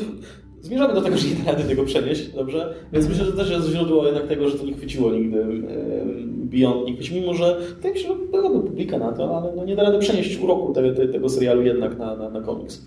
Tak. Jedno co, jedno, co ja, naj, moją ulubioną postacią w Beyondzie był Bruce Wayne stary, bo on był tak już zniszczony i tak kompletnie zgredziały, a przy tym miał jednak pewną poczucie misji i tak dalej. Był takim dobrym wujkiem ale był takim strasznie trudnym wujkiem równocześnie, gdzie, wiesz, pamiętam jednym odcinku było takie coś, że razem z... Pytanie, czy na pewno był wujkiem. Nie no. Ale no tak, zostawimy to już zostawimy to. E, Był taki jeden odcinek, w którym poszli razem do opery i opera była o, ty, o Batmanie. I, i okay. po prostu, i wiesz, i Bruce Wayne tak ogląda to, to i, taki, i taki kompletny kicz i coś takiego i nagle gaśnie światło z bataraniem jest wyłączone. No, okej. Okay. E, mamy jeszcze jakieś wizje przyszłości? Ja bym publiczności zapytał. Okej. W takim razie. Dobra, słuchajcie, z racji tego, że mamy komiksy... Mamy w cholerę komiksów, więc opłaca się odzywać. Nawet jak głupoty gadacie, to, to damy, wam, damy wam komiksy. Nie, Nikt- ale ja mam naprawdę tutaj konkretne pytanie. Czy jest jakaś wizja przyszłości? Mm, W której chciałbyś żyć? Która, nie, która po prostu się wydaje spoko. O, jakaś, czy, czy jest jakaś, o której nie powiedzieliśmy, a która jest ok? E, jeśli jest taka, to chętnie, chętnie posłuchamy i nagrodzimy komiksem. Pięcioma nawet. Mamy mikrofon tutaj, także mogę podać. Więc ten... Możecie nawet powiedzieć o jakiejś, której, o której wspomnieliśmy, jeżeli, jeżeli nie macie pomysłu. Więc jeżeli je, ten. Okej. Y, Tak, y, mi się przypomina z Uncanny Avengers Marvel Now taka wizja przyszłości, Tego nie możemy. e, gdzie tam mutanci jakby żyją w takiej utopii e, i dopiero po pewnym czasie jakby się orientują, że to nie jest tak jak, jak być powinno e, i wracają e, do przeszłości, tam chyba były bliźnięte apokalipsy, coś takiego, ale jakby na pozór wszystko wydaje się, że to jest e, utopia mutantów. Tak, by- by było coś takiego, Ziemia X czy coś takiego e, i to, to, to, to faktycznie ciekawy motyw. E, dokładnie z tego komiksu, który tutaj mamy, więc tego ci nie damy, myślę, że nie ma sensu. Chyba, że nie. czytałeś. Chyba, chyba to się dzieje wcześniej, a to... No, Z biblioteki brałaś może? Czy... Nie, ale okej, chętnie, chętnie nagrodzimy komiksem, więc możesz sobie e, wybrać czy Tak. Spider-Man, czy Hawkeye, czy um, Podejdź Wolverine tutaj. X-Men, albo, albo Śmiało, śmiało. Thunderbolts. E, Tak. no, Nie, może nie, lepiej. Tak. O, super. Dział najlepsze. Dobra, myślę, że słuchajcie, no ty, tyle, nie? Jeśli chodzi o ten główny temat. Jasne. Ehm, czy- to jeszcze no, pytanie na koniec do Ciebie. Czy Ty masz jakąś ulubioną wersję, którą chciałbyś, żeby wróciła jeszcze? Ten 3000, Justice League 3000. Wydaje mi się, że on całkiem ładnie łączył ze sobą taki, wiesz, taki industrialny e, wizję przyszłości, gdzie wszystko jest w posiadaniu korporacji, ale wszystko jest równocześnie, wiesz, beznadziejne, takie niskiej jakości, rozwalające się i ten. Ale było bardzo dużo humoru i bardzo dużo... I powiem Ci, że to dużo perspektywy jakby nowej dawało do tych wszystkich bohaterów, bo to są wszystko ikoniczne postacie, tylko że w takiej mocno zdeformowanej wersji. I e, jest tak źle jak gdyby w tej cywilizacji, że oni nawet do końca nie, nie potrafią zweryfikować, czy Superman na pewno nie był dupkiem, czy coś. No bo nie ma żadnych, wiesz, nie ma wystarczająco dużo zapisów dotyczących tego, więc oni nie wiedzą nawet przy tej rekonstrukcji, czy oni zrobili dobrą robotę, czy nie. E, mi się przypomniała jeszcze jedna No. wizja, myślę, kontrowersyjna dosyć. E, I rozdawaliśmy chyba wcześniej komiks nawet związany z nią. To był ten Spider-Man Rain. A, E, o Jezu. Jak to jest po polsku? Kurczę, nie kojarzę. Nie, Władza, okej. Władza. E, I to był ten komiks, który był trosz, miał, miał być troszkę, wiesz, Dark Knight Returns, tylko że dla Spidermana. Miał być Dark Knight Returns. Pamiętam, robił, robił to Kara Andrews i pisał i rysował. I to jest ten słynny komiks, który jest powtarzany tu, tu i tam jako anegdotka, bo to jest ten komiks, gdzie mm, Peter Parker po tym, jak wielokrotnie sypiał z Mary Jane, e, to się okazało, że jakby jego nasienie jest radioaktywne, więc Mary Jane nie zmarła w związku z tym. Ale w ogóle w tym E, komiksie To jest, jest- absurdalnym pomysłem, ale w komiksie to aż tak nie rusza. W sensie to jest głupie, jak sobie świadomi, że to jest głupie. Ja, to przeczytałem i dopiero mówię, co? Nie, ale ten komiks, on jest taki tak specyficzny bardzo, on jest tak dziwnie To narysowany. jest, to jest ten komiks, w którym jest Doktor Octopus martwy ze swoimi mackami, które chodzą same, tak? Tak, tak, na końcu To, jest... to jest równocześnie głupie i przerażające. Głównym przeciwnikiem jest symbiont, który tam panowuje ludzi, ale tam jest taki fajny motyw z tym Peterem Parkerem, który zostawił bycie Tak. Spider-Manem, oczywiście nie chce być. Świat, jest oczywiście państwem policyjnym praktycznie. Jest ten John, J. Jonah Jameson, który chodzi i truje dupę cały czas Spider-Man, żeby się ruszył. E, co jest urocze swoją drogą. E, ale no nie, no to, to się ciekawie czytało, bo to jest kompletnie coś innego jednak, bo jednak nie kojarzysz tego typu historii ze Spider-Manem. E, w, większości tego typu historii dotyczą, nie wiem, Batmana czy Supermana, tak. wiesz, mroczna przyszłość i tak dalej. E, A tu nagle masz Spidermana w takiej roli, nie? w takim bardzo przerysowanym, mrocznym, dystopijnym świecie, gdzie jednocześnie też ten komiks, nie wiem na ile poważnie się traktuje, ciężko to ocenić jednak, ale jest na pewno ciekawy i warty przeczytania jednak. E, Trzymaj, że to są chyba trzy zeszyty czy coś takiego. Jest zbyt, nie wiem, mi się wydaje, że on jest, jest zbyt szczery na to, żeby to była parodia. Wiesz, jak gdyby te, bo Wiesz, za chwilę jest- są poruszane jakieś górnolotne problemy wiesz, i to jest, tak dalej, i monologi. to jest strony, rzeczy. który zrobił y, ten em, Iron Fist, e, jak to było? Immortal Weapon?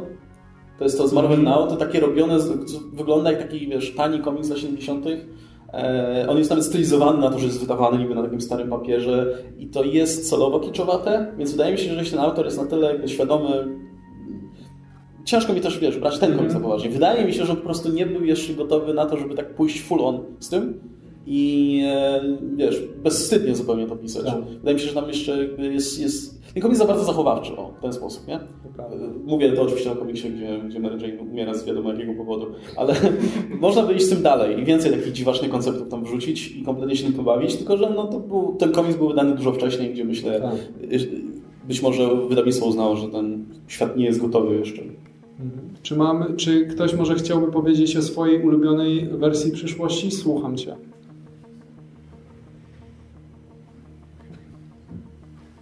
Jason Aaron pisał e, w Torze Gromowładnym, e, tam w ogóle mieszał strasznie, tam miał wizję Tora z przeszłości, wizję Tora obecnego i wizję Tora z, z przyszłości.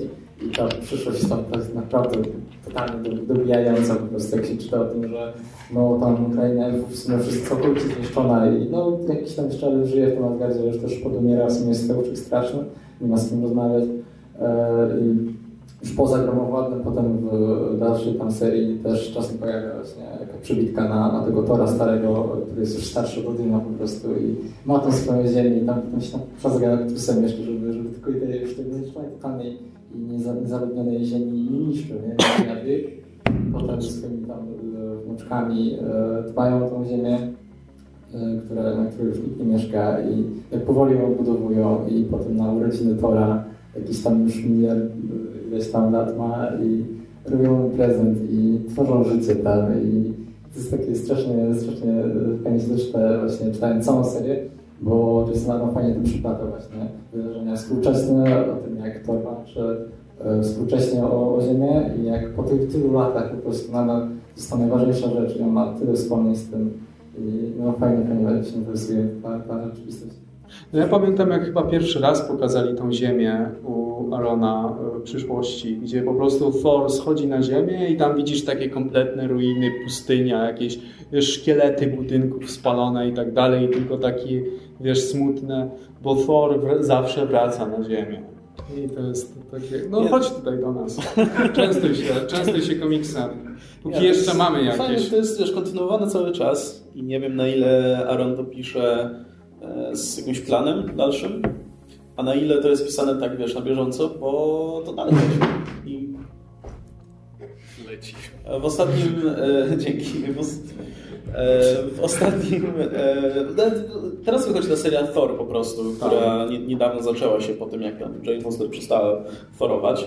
Em, No i pierwszy story arc dotyczył akcji, która się działa jakby, no normalnie w jednym, jednej z krain powiedzmy, a, a drugi story arc, który się zaczął teraz, dwa zaszyty, to już się dzieje tylko i wyłącznie w przyszłości, gdzie mamy tego właśnie króla Thora. I to się dzieje właśnie już po tym, jak, jak e, udało się odtworzyć życie na Ziemi, e, gdzie przylatuje oczywiście, no kto, no Doom. nie, nie, przepraszam, znaczy Doom przylatuje później, a najpierw pojawia się ten Wolverine, który jest Phoenix i mówi, ty idioto, e, wiesz, nie powinieneś w ogóle odtwarzać życia na Ziemi, bo zaraz ktoś się o niej dowie. I, i pamiętasz, że to jest ten komiks, gdzie Ego, zerza, e- ego z symbiontem zeżarł Galactusa, e, no to, to, to o to zagrożenie chodzi. A potem się pojawia Doom, który jest Iron Fistem i Sorcererem Supremem i ma w ogóle wszystkie artefakty, jakie możliwe. I to jest cały czas ten sam Doom oczywiście. I, i, i przylatuje i dowiaduje się od ludzi, że King Thor ich stworzył, a on mówi, że wiesz, a jak to Doom nie jest zadowolony z tego, że ktoś inny jest Bogiem w tym czasie. Więc to brnie jeszcze do czegoś ciekawego. Jestem ciekaw, na ile to się wiesz, połączy, na ile to będzie, ile to jest osobna historia, na ile to się będzie przyplatało z tym, co się dzieje aktualnie, bo jeśli to nie jest tylko ta jedna historyjka, która się tam dzieje co pięć zeszytów, tak jak, nie wiem, przygody Obi-Wana w Star Wars w komiksie, mm, tylko robią cały story arc temu poświęcony, to może faktycznie coś z tego wyjdzie, jakby, wiesz, coś, co wpłynie też na losy tego Thora. Także to jest fajny przykład i też ciekawa wizja zresztą przyszłości. Nie? Tutaj widzisz tego Thora, tego trochę przygłupa, który to jest pokazany jako ten smutny król, który tam siedzi na tym tronie, niczego nie ma dookoła. Nie są tylko też rysunki. E, wróżki chyba, nie? No. no które, mm, no, które robią swoje rzeczy. Okej, to i jeszcze ktoś chciałby podzielić się swoją ulubioną? No, jeszcze mamy tutaj dużo atrakcyjnych komiksów. Nie, nie, nie, mamy, mamy trzy komiksy, z czego dwa dobre. Okej, jeśli nie, to, to sorry. To sorry, to bierzemy do siebie. E, nie, ale jeśli nie, to możemy myślę pogadać o innych rzeczach Jasne, jeszcze jakieś, DC. nie dostaniesz komiksu. Nie, nie chcę komiksu. No to powiedz rzecz. Jest rzecz. A propos wizji przyszłości, trochę poza komiksami, ale trochę nie, to ja uwielbiam w ogóle e, e, tą wizję przyszłości z Batman i Superman i, jej rozwiązanie w Justice League, bo to ma sens tak naprawdę, bo chodzi o to, no wiecie, że tam Lois Lane z kluczem i tak dalej, i tak dalej. Cała interpretacja tego jest taka, że y, chodziło o to, żeby Batman zamówił taksówkę albo Ubera dla Lois Lane. I to jest rozwiązanie wszystkiego tego. Flash cofa się, znaczy, no, Flash cofa się w czasie, żeby y, Batman mógł zamówić taksówkę. Bo to jest jedyne, co on robi, żeby to odkręcić Justice League. Bo zamawia taksówkę i ona przyjeżdża tą taksówką, koniec. Czy tam, nie wiem, zabiera, przyjeżdża z nią Alfred, cokolwiek. Że trzeba...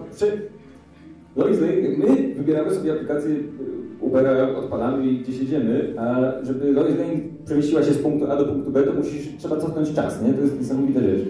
Więc y, to jest niesamowita wizja przyszłości. Zamiast Ubera y, podróże w czasie, żeby powiedzieć komuś wcześniej, że, że, że ktoś musi gdzieś być, nie? I uważam, że to jest dzieło geniusza. Dzięki Paweł. My to słyszymy trzeci raz jakby co. Brawa dla Pawła, bo długo na tym myślał. Nie, to też jest e, ciekawy wątek ogólnie, który poruszyłeś, nawet nie w kontekście filmu tego konkretnego, ja myślę, że mniej będziemy mówić tym lepiej, e, ale ogólnie w kontekście też filmów, bo o ile w komiksach już tych wizji przyszłości była cała masa, to teraz pytanie, czy filmy się nie zabiorą też za pokazywanie alternatywnej rzeczywistości i wizji przyszłości? Była ta jedna. Była ta jedna, e, którą widzieliśmy w tym właśnie filmie, która była ciekawa na swój sposób, nie, nie miała sensu jak dla mnie, ale była ciekawa. I to jest jedna rzecz. E, Znaczy byłaby ciekawa, jakby coś z nią zrobili kiedykolwiek, być może wtedy. Ale wiesz, jak gdyby... Ale na pewno było ciekawe zobaczyć Batmana w takim wydaniu i E, Właściwie czemu nie zrobili tego filmu od razu? No, to jest... E, I mogliby wtedy starszego Batmana faktycznie Tak. zrobić. I mogliby wtedy iść całość z mrokiem, zabijaniem, wszystkim, co tam Zack Snyder lubi, bo to była alternatywna rzeczywistość, więc... No, mówi się też o tym, że być może w Avengers 4 będziemy mieli albo przyszłość, bo okaże się na przykład, że no, przepraszam za spoiler z Avengers Infinity War, e, ale być może okaże się, że wiesz, że tego stryknięcia Thanosa z końca nie da rady odwrócić i czas się potoczy dalej i do Avengers 4 podejdziemy już widząc przyszłość, może nie jakąś super daleką, ale jednak przyszłość. E, I być może z tej przyszłości będą bohaterowie próbowali się wycofać, a będziemy mieli podróże w czasie w drugim kierunku, nieważne. E, Być może w którymś momencie też się skończą, no nie tyle skończą się pomysły, co ktoś stwierdzi, że fajnie by było pokazać alternatywne wersje bohaterów. E, W wersji animowanej będziemy mieli alternatywne rzeczywistości teraz. Wychodzi w grudniu Spider-Man Into the Spider-Verse, który od razu z grubej rury wjeżdża z alternatywnymi wersjami pająków. E, Coś, co już było w grach, e, było oczywiście w komiksach, e, ale, ale dopiero teraz wchodzi tak dla dużo szerszej publiki, bo jednak ten film animowany no, obejrzy więcej osób prawdopodobnie niż przeczytały te komiksy. Więc, więc kto wie, czy prędzej czy później też te filmy mainstreamowe dla dużej publiki nie przedstawią im jednak wizji tego, że są inne uniwersa, bo to jest wciąż coś bardzo abstrakcyjnego, coś, co jest normalne czytelników komiksu, ale dla, wydaje mi się, że dla przeciętnego odbiorcy to, że jest, nie wiem, nieskończona ilość, nieskończona ilość, nie wiem, tonych Starków w uniwersum, no jest jakby e, cały czas dosyć kosmiczną koncepcją. Nie? Był, był też animacja DC Crisis on Two Earths, zdaje się tytuł był, która też opowiadała o, wiesz, o złej lidze sprawiedliwości, ci, tych, ci klasyczni z Ziemi 3, e, którzy, którzy trafiają na naszą Ziemię i Liga Sprawiedliwości musi z nimi walczyć. Wydaje mi się, że troszeczkę z superbohaterami, to jakby, jeżeli chcesz czytać komiksy z superbohaterami, to musisz ten koncept za, zaakceptować prędzej czy później, wieloświata i alternatywnych wymiarów. Bo to jest co chwilę wałkowane, wiesz, i to jest po prostu kwestia czasu, zanim to się nie przeniesie do, e, do uniwersum filmowego, aczkolwiek wydaje mi się, że to będzie bardzo ostrożnie wprowadzane i to nie będzie tak, jak ludziom się wyobraża, że od razu zrobią kryzys, albo że będzie film, w którym będzie, wiesz, trzech Spider-Manów granych przez trzech różnych aktorów. Bo jednak, wiesz, wydanie komiksu to kosztuje cię niewiele więcej takiego crossoveru. Natomiast robienie tego typu crossoveru w takiej skali w formie filmowej, no to ten budżet dziesięciokrotnie zwiększa. Więc jest to coś, czego na pewno lekką ręką nikt nie zrobi. No nie, no też wiesz, jest, trzeba będzie to sprzedać, nie? To jest Tak. też jakby, wydaje mi się, że Marvel w tym momencie ma em, dużo renoma, że mogą stworzyć jakiś film i ludzie na to pójdą, nawet jeśli to będzie, jeśli tam zobaczą, nie wiem, pięciu, pięć wersji jednego bohatera, to będzie coś nowego, oryginalnego, no ale w tym momencie na przykład Warner no, nie może iść coś takiego, nie? Bo, bo, ponieważ czy, też mówiliśmy o tym wczoraj przy okazji nagrywania materiału, e, że mówiło się bardzo często, znaczy już teraz nie, ale wcześniej był ten motyw, że ogłoszono, że film z Flashem się nazywał Flashpoint. E, A jednocześnie były, już była mowa o tym, że to uniwersum DC sobie radzi średnio i że może i że Ben Affleck już pewnie nie wróci do roli Batmana, Tak. o tym była mowa i tak dalej, i tak dalej. Więc y, sporo fanów sobie poskładało, tak wiesz, jeden, dodało jeden do jednego, że okej, jeśli robią recasting i będą nowi bohaterowie i muszą zrobić porządek w uniwersum i z drugiej strony robią, robią film Flashpoint, to może faktycznie zaadoptują Flashpoint, e, gdzie stworzy się alternatywna linia czasowa, a potem wrócą do tej głównej, ale tam już będzie coś pozmieniane i że to będzie świetny sposób, żeby na przykład zostawić te rzeczy, które działały, a wy- wy- wypieprzyć te, które nie działały. No tak, tylko że takie Tylko- rzeczy to, to są dla komiksach robione, dlatego że jeżeli kupujesz komiksy, wiesz, co, co, co tydzień od jakichś 20 lat czy coś takiego, to jakby nagle, jakbyś miał nagle niezapowiedziany reboot, to to by było, no to by była trochę zdrada, prawda? Troszeczkę by mógłbyś przestać czytać ten komiks w tym momencie stale. I Tak się zdarzyło, zda, zdarzało, nie? Tak. Te wszystkie relaunche, jedynki i tak dalej. E, zmiany nagłe i tego typu rzeczy no, no, nie Zatem- na pewno na Zatem w komiksach jest takie dziwne, wiesz, praktyka, że zawsze wszystko musi być wytłumaczone. Więc jak wiesz, jak robisz reboot filmowy, to po prostu robisz reboot filmowy i nie myślisz o tym więcej. Natomiast w komiksach, jak chcesz zrobić jakikolwiek reboot czy zmianę, to musi być jakieś, kurde, wyjaśnienie. Albo ktoś podpisał pakt z szatanem, albo ktoś przeniósł się, przeskoczył z alternatywnej rzeczywistości, albo ktoś się cofnął w czasie, albo ktoś przyszedł z przyszłości. Albo ktoś inny przyszedł i go w jakiś tam inny sposób przemienił, ale zawsze musi być jakieś, jakkolwiek kuriozalne by nie było, takie musi być wyjaśnienie tego. I wydaje mi się, że w filmach to jest po prostu niepotrzebne. No Jak nie, gdyby, nie, jeżeli też- jak chcecie zrobić recasting, to zróbcie recasting i tyle. Po co to wyjaśniać, że, kto, że Superman wygląda inaczej? Może ktoś ma inne zdanie. No mo, może ktoś ma inne zdanie na ten temat? Może? Może? Może ktoś ma, ale nie tutaj. E, Nie, ale właśnie to jest. ym, Myślę, że właśnie w związku z tym nieprędko te koncepty komiksowe z y, przyszłością i tak dalej. on- One, one się mogą pojawiać jako taki dodatek do filmów, ale Tak. trudno mi sobie wyobrazić jeszcze teraz, jakby, żeby filmy poszły mocno w tym kierunku. No ale Logan to była trochę taka wizja przyszłości, pomyśl sobie. No była, ale nie, nie oddalona aż tak bardzo, nie? Jakby- Nie była oddalona, to znaczy była oddalona na takiej zasadzie, że wiesz, że była kompletnie roz, roz, oddzielona od tego, co się dzieje w obecnych filmach X-Men i tych, które jeszcze będą wychodzić. I no tak, to było z 20 lat, czy coś takiego. Nie no, wiesz, miałeś na przykład wizję przyszłości w Days of Future Past, który się Mhm. tam zaczynał i przeplatał się poniekąd. Em, I to się nawet sprzedało, więc Mhm. e, można.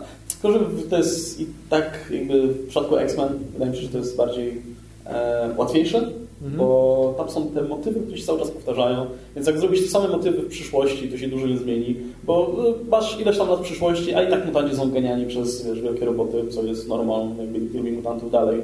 E, w przypadku Avengers to by wymagało, czy, czy jakiś inny bohater by wymagało trochę gimnastyki.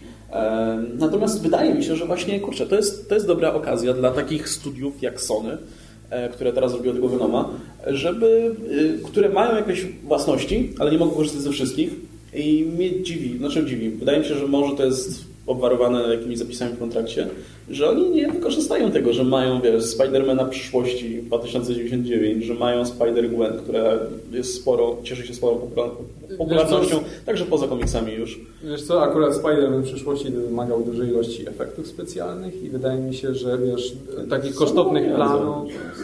No ale wydaje mi się, żeby się nie zwrócił po prostu. Bo to by był, wiesz, Spider-Man, nie ten, którego znasz. Wiesz, taki ten podtytuł by jakby zdradzał, że to- nie, to nie jest do końca to. Ja, ja po prostu nie wyobrażam sobie, żeby ten film był, wiesz, był w stanie zarobić na siebie, jeśli by dostał duży budżet. Albo żeby nie wyglądał kuriozalnie źle, jakby tego budżetu nie dostał. Gdyby, wiesz, takie stoimy w pokoju i patrzymy za okno, a tam, o, patrz na te wielkie wieżowce, które tam totalnie są. Nie wiem, czy to jest no jasne, to są jakby przyczyny budżetowe. Ale kto wie, czy jeśli Into the Spider-Verse, ta, animacja się nie sprzeda jakieś super zajebiście, to nie pójdą jednak w tym kierunku, biorąc pod uwagę, że Znaczy animacje przedstawi też trochę postaci. No, animację jest łatwiej, to myślę, że też dlatego poszli tutaj w tym kierunku. E, Też mogli Milesa przedstawić, nie? który też jednak pochodzi, wywodzi się z alternatywnej rzeczywistości, która nie z przyszłości, ale jednak jest alternatywną Tak. postacią. E, I i przynajmniej w ten sposób z tego korzystają, nie? I to jest, to jest całkiem spoko.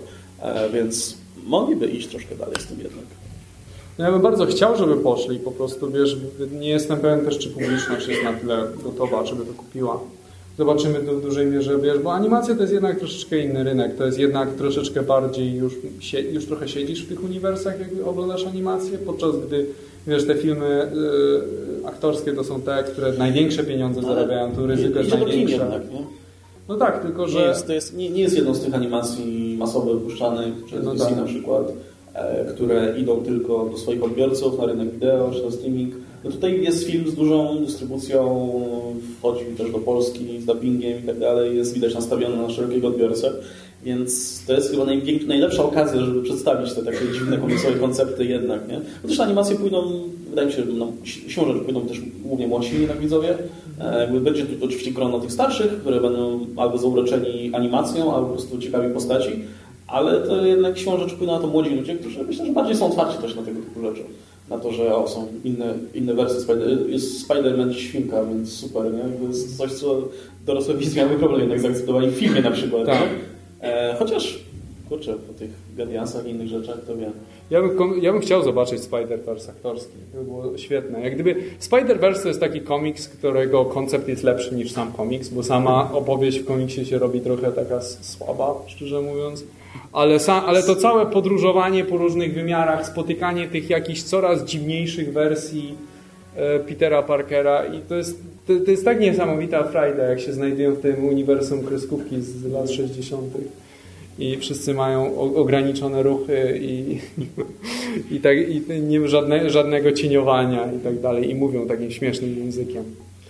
E, czy ktoś jest tutaj innego zdania? Czy ktoś uważa, że chciałby się wypowiedzieć na ten temat, na temat tego, czy można te kuriozalne komiksowe koncepty Ale przenieść inaczej, czy do... macie jakiś pomysł na ekranizację, która byłaby, e, O. czy, czy jakieś właśnie mm, inna wersja bohatera byłaby Was interesująca? Czy, czy to też nie byłby pomysł na na przykład zrecastowanie tych bohaterów, na przykład z MCU, którzy jakby się żegnają, e, którym, którzy na przykład już nie będą grać i w tym, w tym wypadku będzie można przedstawić na przykład inną wersję danej postaci, czy coś w tym guście? E, czy, czy widzicie coś takiego w tym wydaniu? Albo chcielibyście zobaczyć?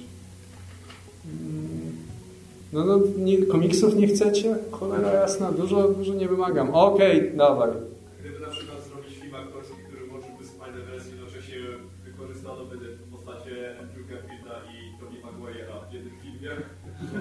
Znaczy, to, by było, to, to jest fajny koncept, tylko że tak formalnie by było ciężko. Bo po pierwsze. Andrew Garfield poszedł już z karierą dalej i ma co robić. Wątpię, żeby mu się chciało wracać do takiego filmu jednak, biorąc pod uwagę, że gra w innych filmach teraz już zupełnie. Ale kto wie. Natomiast Tobey Maguire w ogóle skończył z aktorstwem, więc raczej byś już go... Musiał, musiałby naprawdę lubić te filmy, żeby zrobić wyjątek i wrócić do tego konkretnego. Kto wie, może, ale Tobey Maguire się teraz zajmuje graniem w pokera i produkowaniem filmów. Jak już zagra gdzieś, to okazjonalnie udzieli głosu w kreskówce czy coś takiego. E, Raczej nie chciałby, myślę, że raczej by nie chciał wracać jednak do czegoś takiego. To byłby problem. Ale konceptualnie to jest fajny pomysł. Nie, to jest, to jest Taki bardzo mały fajne. hołd oddany tym poprzednim filmom. Znaczy, Wiesz, no to jest to samo, czy chciałbyś mieć powrót Mrocznego Rycerza z Michaelem Keatonem. Wiesz, brzmi świetnie, ale wiesz, no to jest troszeczkę bardziej skomplikowane niż, niż, niż to brzmi. Jak gdyby jeśli chodzi o kontrakty, czy aktorzy by chcieli wziąć w tym udział i tak dalej, więc nie jestem pewien, czy to się... Szczególnie, że tutaj musisz dwóch aktorów sprowadzić, którzy prawdopodobnie by nie chcieli. Nie, mówiło się wcześniej o tym, znaczy mówiło się, to były raczej też życzenia fanów głównie. E, życzenia fanów, że DC, jeszcze, to było jeszcze na wcześniejszym etapie, zanim była ta zmiana kursu, którą widzimy teraz, że była, że była fajna opcja, biorąc pod uwagę, że seriale e, DC są popularniejsze niż filmy, mają chyba większą fanbazę, że można by też tam zrobić mały kryzys na nieskończonych ziemiach i przedstawić na przykład tych serialowych aktorów e, w jakiejś tam cameos czy, czy z udziałem. Tylko, że to wydaje mi się, że to też jest nie do zrealizowania formalnie, em, bo No, no nie, po prostu nie można by wziąć aktorów serialowych i dać do filmu. To trzeba by zaoferować filmowe garze, na inne by się raczej nie zgodzili. E, a to są wciąż jednak serialowi aktorzy. Znaczy, wiesz co, szczerze Ci powiem, że jeśli chodzi o seria, seriale, filmy i, ta, i te crossovery tutaj, to jak do tej pory to działało tak w Marvelu, że czasami w e, serialu wspomnieli, co się działo w filmie. Natomiast zawsze mnie dziwiło, czemu nie jest właśnie na, na odwrót, czemu ci serialowi aktorzy okazjonalnie nie wyskoczą tu i tam w filmie. Nie, Dlatego, bo czekaj, daj mi dokończyć, bo moim zdaniem wydaje mi się, że to by była dużo, du, wiesz, film by zrobił dużo większą promocję serialowi niż serial byłby w stanie zrobić promocję filmowi. I jak gdyby to wydaje mi się, że pewnie musieliby im troszeczkę zapłacić więcej, ale wydaje, ale jeżeli to by było cameo, to też nie byłoby aż tak dramatycznie dużo, nie przesadzajmy. E, Wydaje mi się, że no, zyskaliby na tym więcej niż stracili. Nie, no właśnie nie o to chodzi. To jest, do, dobrze ująłeś temat. E, chodzi o to, że film nie miałby za bardzo interesu w tym, żeby ściągać aktorów serialowych, którzy nawet jeśli się cieszą popularnością, to wciąż jest to jednak publika serialowa, która niekoniecznie jakby mm, przełoży się na potem wynik, wynik, wynik w kinach. Dlatego raczej się nie robi filmów kinowych na podstawie seriali, nawet nieważne jak są popularne, a jak się robi, to są klapami zawsze. Tak. Praktycznie zawsze. Zawsze tak jest, więc też nikt nie chce za bardzo pchać rzeczy serialowych do kin, bo mają świadomość tego, że to się zwykle nie sprzedaje. Dlatego też prawdopodobnie coś takiego nie miałoby miejsca, bo nie warto by było po prostu. Z punktu chociażby finansowego e, czy promocji tego filmu, mimo wszystko na dłuższą metę czegoś takiego utrzymywać. To, jest, to się wydaje fajne z, punktu- z punktu widzenia fanów, nie? którzy lubią seriale i tak dalej, ale, ale na dłuższą metę to by się pewnie nie opłaciło. To prawda. Czyli na przykład jeżeli by Marvel sobie chciał, załóżmy, chciał zrobić własnego filmowego Daredevila w MCU, to myślisz, żeby kompletnie zignorowali tą wersję serialową i zrobili po prostu nowego Daredevila? Tak, myślę, że tak. Ym, To bardziej, znaczy wiesz, to są, jest parę powodów, dla których, No nie, ja wiem, to zrobili, nie? Jedna rzecz jest taka, że na pewno chcieli mieć pełną kontrolę nad tym, a Mhm. nie mieliby pełnej kontroli z postacią, która została stworzona nie przez nich samych. E, na pewno chcieliby mieć wpływ na to od samego początku, jak ta postać jest zbudowana, kim jest, i czym się charakteryzuje i tak dalej. Wiadomo, że postać, musieli ją odziedziczyć wtedy po tym Netflixie i na pewne rzeczy by już nie mieli wpływu zupełnie, e, a pewnie by chcieli mieć wpływ. A druga rzecz jest taka, że nie, wydaje mi się, że po prostu woleliby mieć swojego bohatera, bo lepiej by było go sprzedać jako kompletnie nową postać niż, e, niż usiłować się serialem, który, bardziej, że te seriale Netflixowe troszkę jednak spada ich popularność, nie? Bo dzisiaj słyszeliśmy już o anulowaniu kolejnych, No, nie? Akurat Daredevil jest tym przykładem takim, gdzie jeszcze można mieć argumenty za, no bo Mhm. Daredevil jeszcze jest, e, myślę, że jakąś popularnością się cieszy, jakąś renomą się jeszcze cieszy, nie? Dobrze jest oceniany w miarę, ale myślę, że dla zasady raczej, raczej pozostało tak, jak jest. E, więc nie, nie, nie sądzę, nie? Też rzecz jest w tym, że Marvel ma tyle postaci, że nie muszą sięgać w ogóle po tego Daredevila, nie? Mogą kompletnie o nim zapomnieć i, i używać go. E, więc myślę, że tak zrobią, tak, tak robią z tymi postaciami. Mnie trochę cieszy, że ja bardzo długo chciałem, żeby na przykład Moon Knighta zrobili na Netflixie. To, ale to był jeszcze ten etap, kiedy te seriale Netflixowe się... Kiedy jeszcze były dobre. Wszyscy się jarali tymi serialami. To już tak, pamiętam, że to przygasało tak przy, nie wiem, Tak. przy Defenders myślę, że umarło w większości tak doszczętnie. E, ale to był ten etap, mówię, kurczę, albo zrobili Moon Knight, jakiegoś pocznego, fajnego, ten. Takiego właśnie w stylu pierwszego sezonu Daredevila. No. E, A teraz sobie myślę, etapie- kurczę, nawet dobrze. To teraz, Tak. wiesz, teraz być może zrobią albo, może film pewnie nie, ale może wrzucą na ten swój streaming, może będzie lepsze, nie? Wiesz, A będzie miał wsparcie przez jakiś czas na pewno, bo te seriale teraz Netflixowe są w takim limbo, nie? Że Netflix je robi, no bo je robi, em, ale Marvel z tym nic nie zrobi już. Netflix nie może za dużo kombinować z tym, nie może nowych postaci naprowadzać komiksowych i tak dalej. E, Nie mogą rozbudowywać tego uniwersum w żaden sposób. E, No i tak są, dogrywają trochę te seriale w tym momencie, nie? E, I to jest, to jest ten problem, którego Moon Knight w ten sposób uniknął, więc super, cieszy mnie to.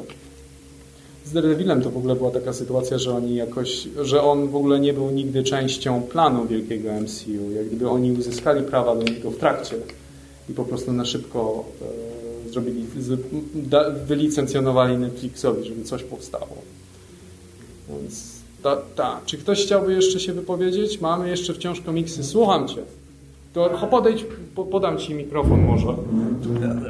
Dobra.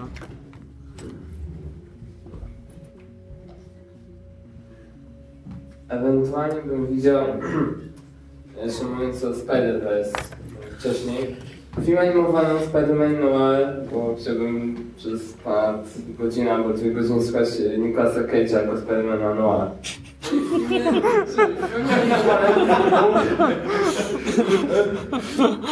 Ta stylistyka jest na tyle ciekawa, że jak film animowany mógłby to wyglądać fajnie po prostu. Kończyć, nie?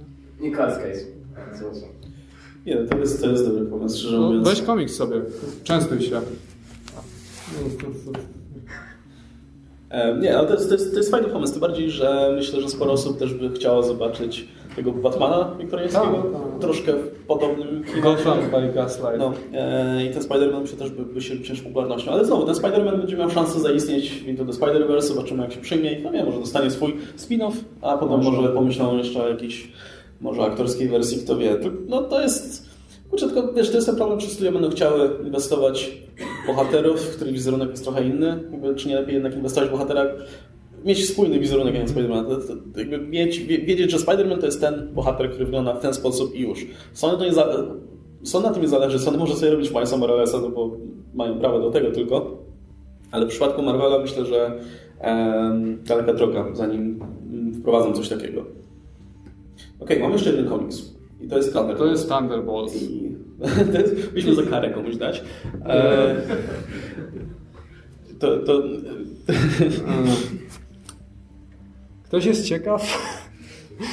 Nie, no to za dużo jest ciekaw, to musimy jakoś... nie, to musimy wyłonić. Nie, no musimy okej, wyłonić. wa- warto sprawdzić na pewno. Ktoś lubi Warto sprawdzić. Jest taka, taki I, czy, czy Punishera i tak dalej. Em, interesujący komiks, prawda? E, No nie, no to jeszcze ostatnią wizję przyszłości czyjąś możemy oddać. Jakąś... Wizję przyszłości możemy No. oddać. no te, te, ja, ja, komiks to każdy by chciał, ale wizję przyszłości dać to nie ma komu. Słucham cię. Podejdź, podejdź tutaj mikrofon.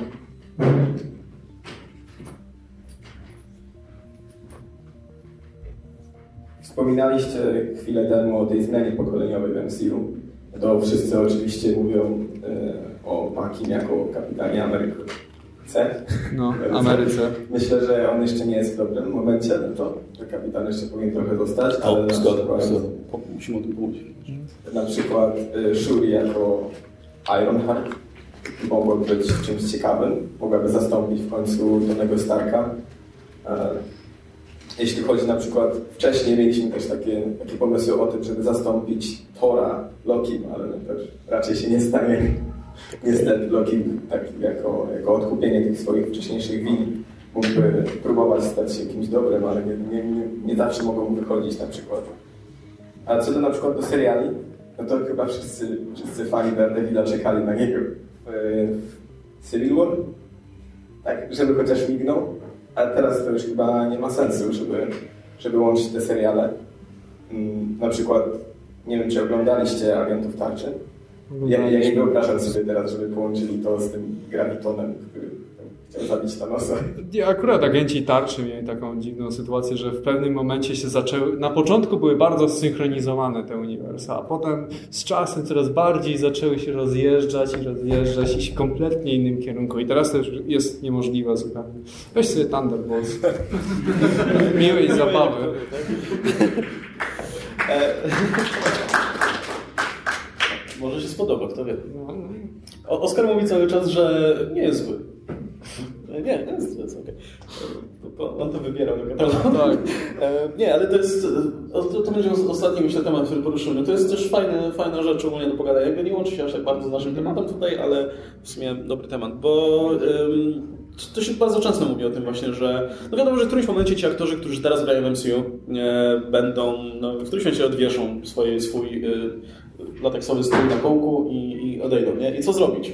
Czy ich recastować, czy ich uśmiercić, czy po prostu zastąpić kimś innym, czy co, zrobić cokolwiek innego. I wydaje mi się, że ta, biorąc pod uwagę, że powoli MCU sobie wychowuje tych młodocianych bohaterów, myślę, że będą się pojawiać jeszcze kolejni w najbliższych filmach, e, bo też warto mieć młodocianych bohaterów, bo to ściąga publikę młodocianą także na filmy, e, na której można sensownie zarobić, no to też sprawia, że możemy mieć tych legacy heroes, którzy będą w stanie potem jakby przejąć rolę. I nie sądzę, że to był jakiś masowy ruch, bo jednak nie sądzę, żeby nie wiem, Bucky ściągnął do kina tyle osób, co, co y, Chris Evans w tym momencie, który już jakby jest ugruntowany jako Kapitan Ameryka w tym momencie, ale na pewno jest to jakiś pomysł na co, na, na, żeby sprawdzić, czy to będzie działało. Akurat w przypadku Bakiego, i znaczy, na, e, za- załóżmy na moment, że Kapitan Ameryka się żegna z MCU po, po najbliższym filmie, Em, I e, wydaje mi się, że nikt w tym momencie nie jest gotowy, żeby podjąć jakby tarczy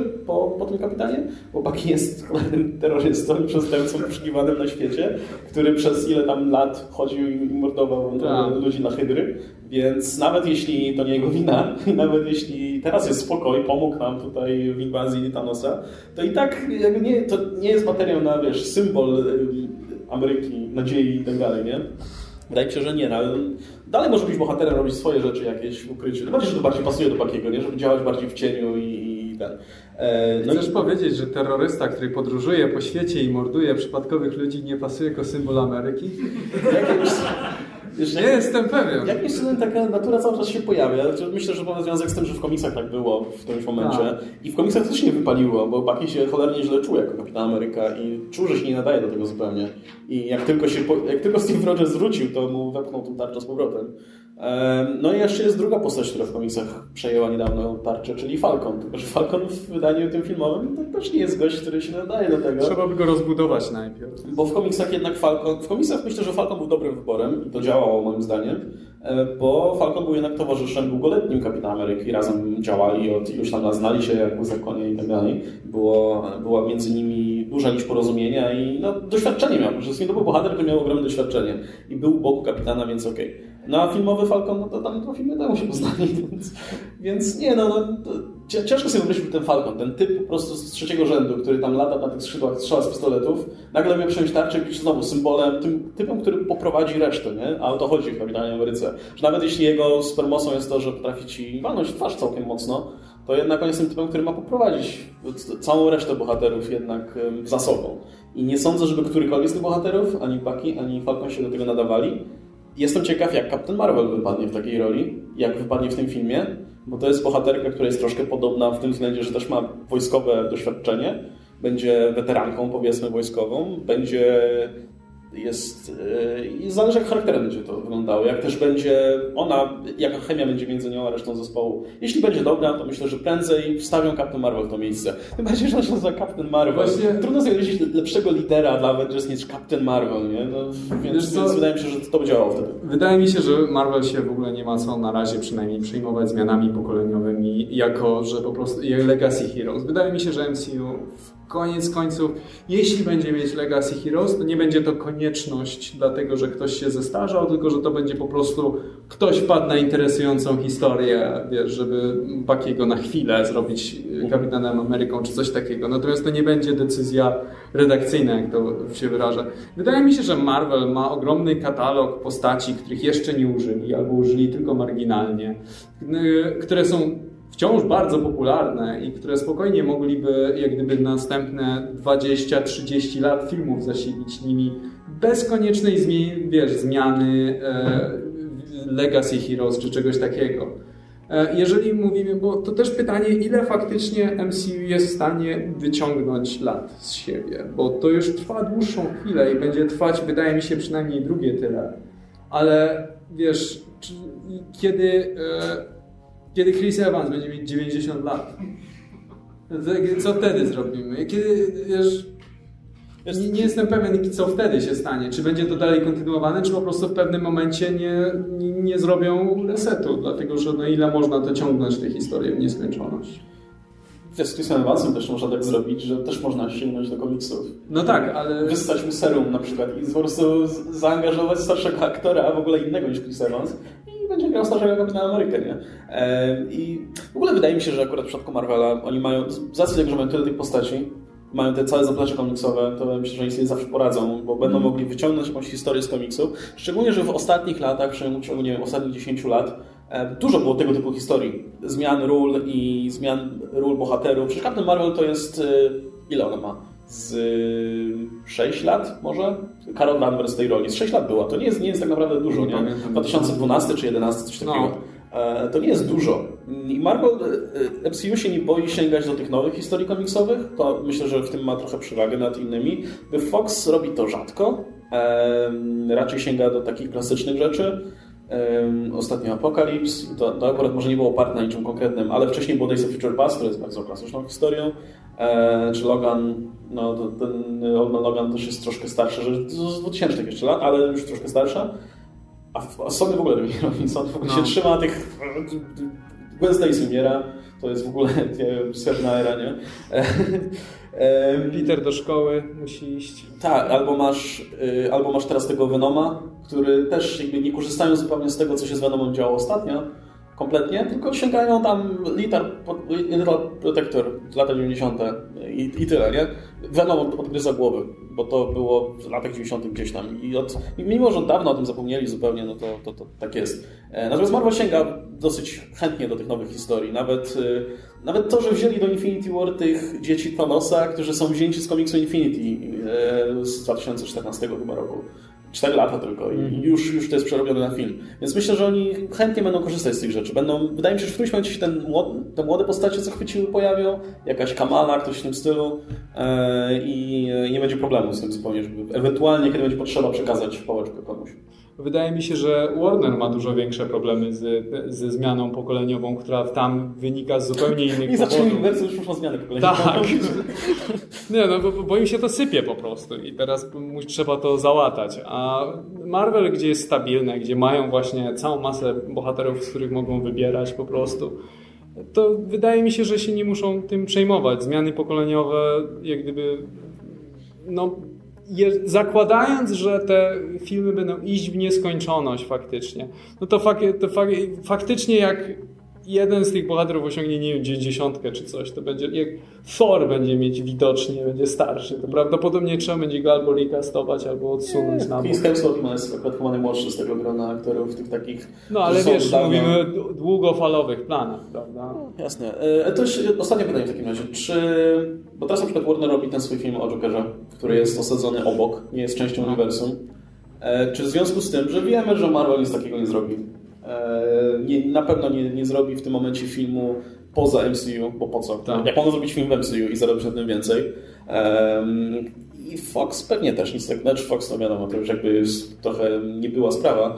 E, Sony robi swoje rzeczy i też raczej jak już je będzie robić, to będzie starać trzymać w jednym uniwersum, bo widzą, że to w Marvelu działa. E, Czy nie, nie szkoda Ci czegoś takiego? Nie, czy nie chciałbyś, żeby na przykład Marvel zrobił sobie film, a zróbmy film o Tonym Starku w przyszłości, jak, nie wiem, jakiś Armor Wars w przyszłości, coś takiego. Albo zróbmy film o, nie wiem, Spider-Man Rain, czy coś takiego, wiesz, to kompletnie rzucam Może, same przykłady. może, może akurat Spider-Man Rain, Nie, niekoniecznie. wiesz, coś w tym stylu, na przykład, y, kurczę, fajnie było zrobić film o jakimś bohaterze, który, nie wiem, gdzie jego historia się potoczyła inaczej, albo gdzie, no nie wiem, wiesz, adaptacja jakiegoś y, innego komiksu Ja alternatywnego. bym chciał taki serial.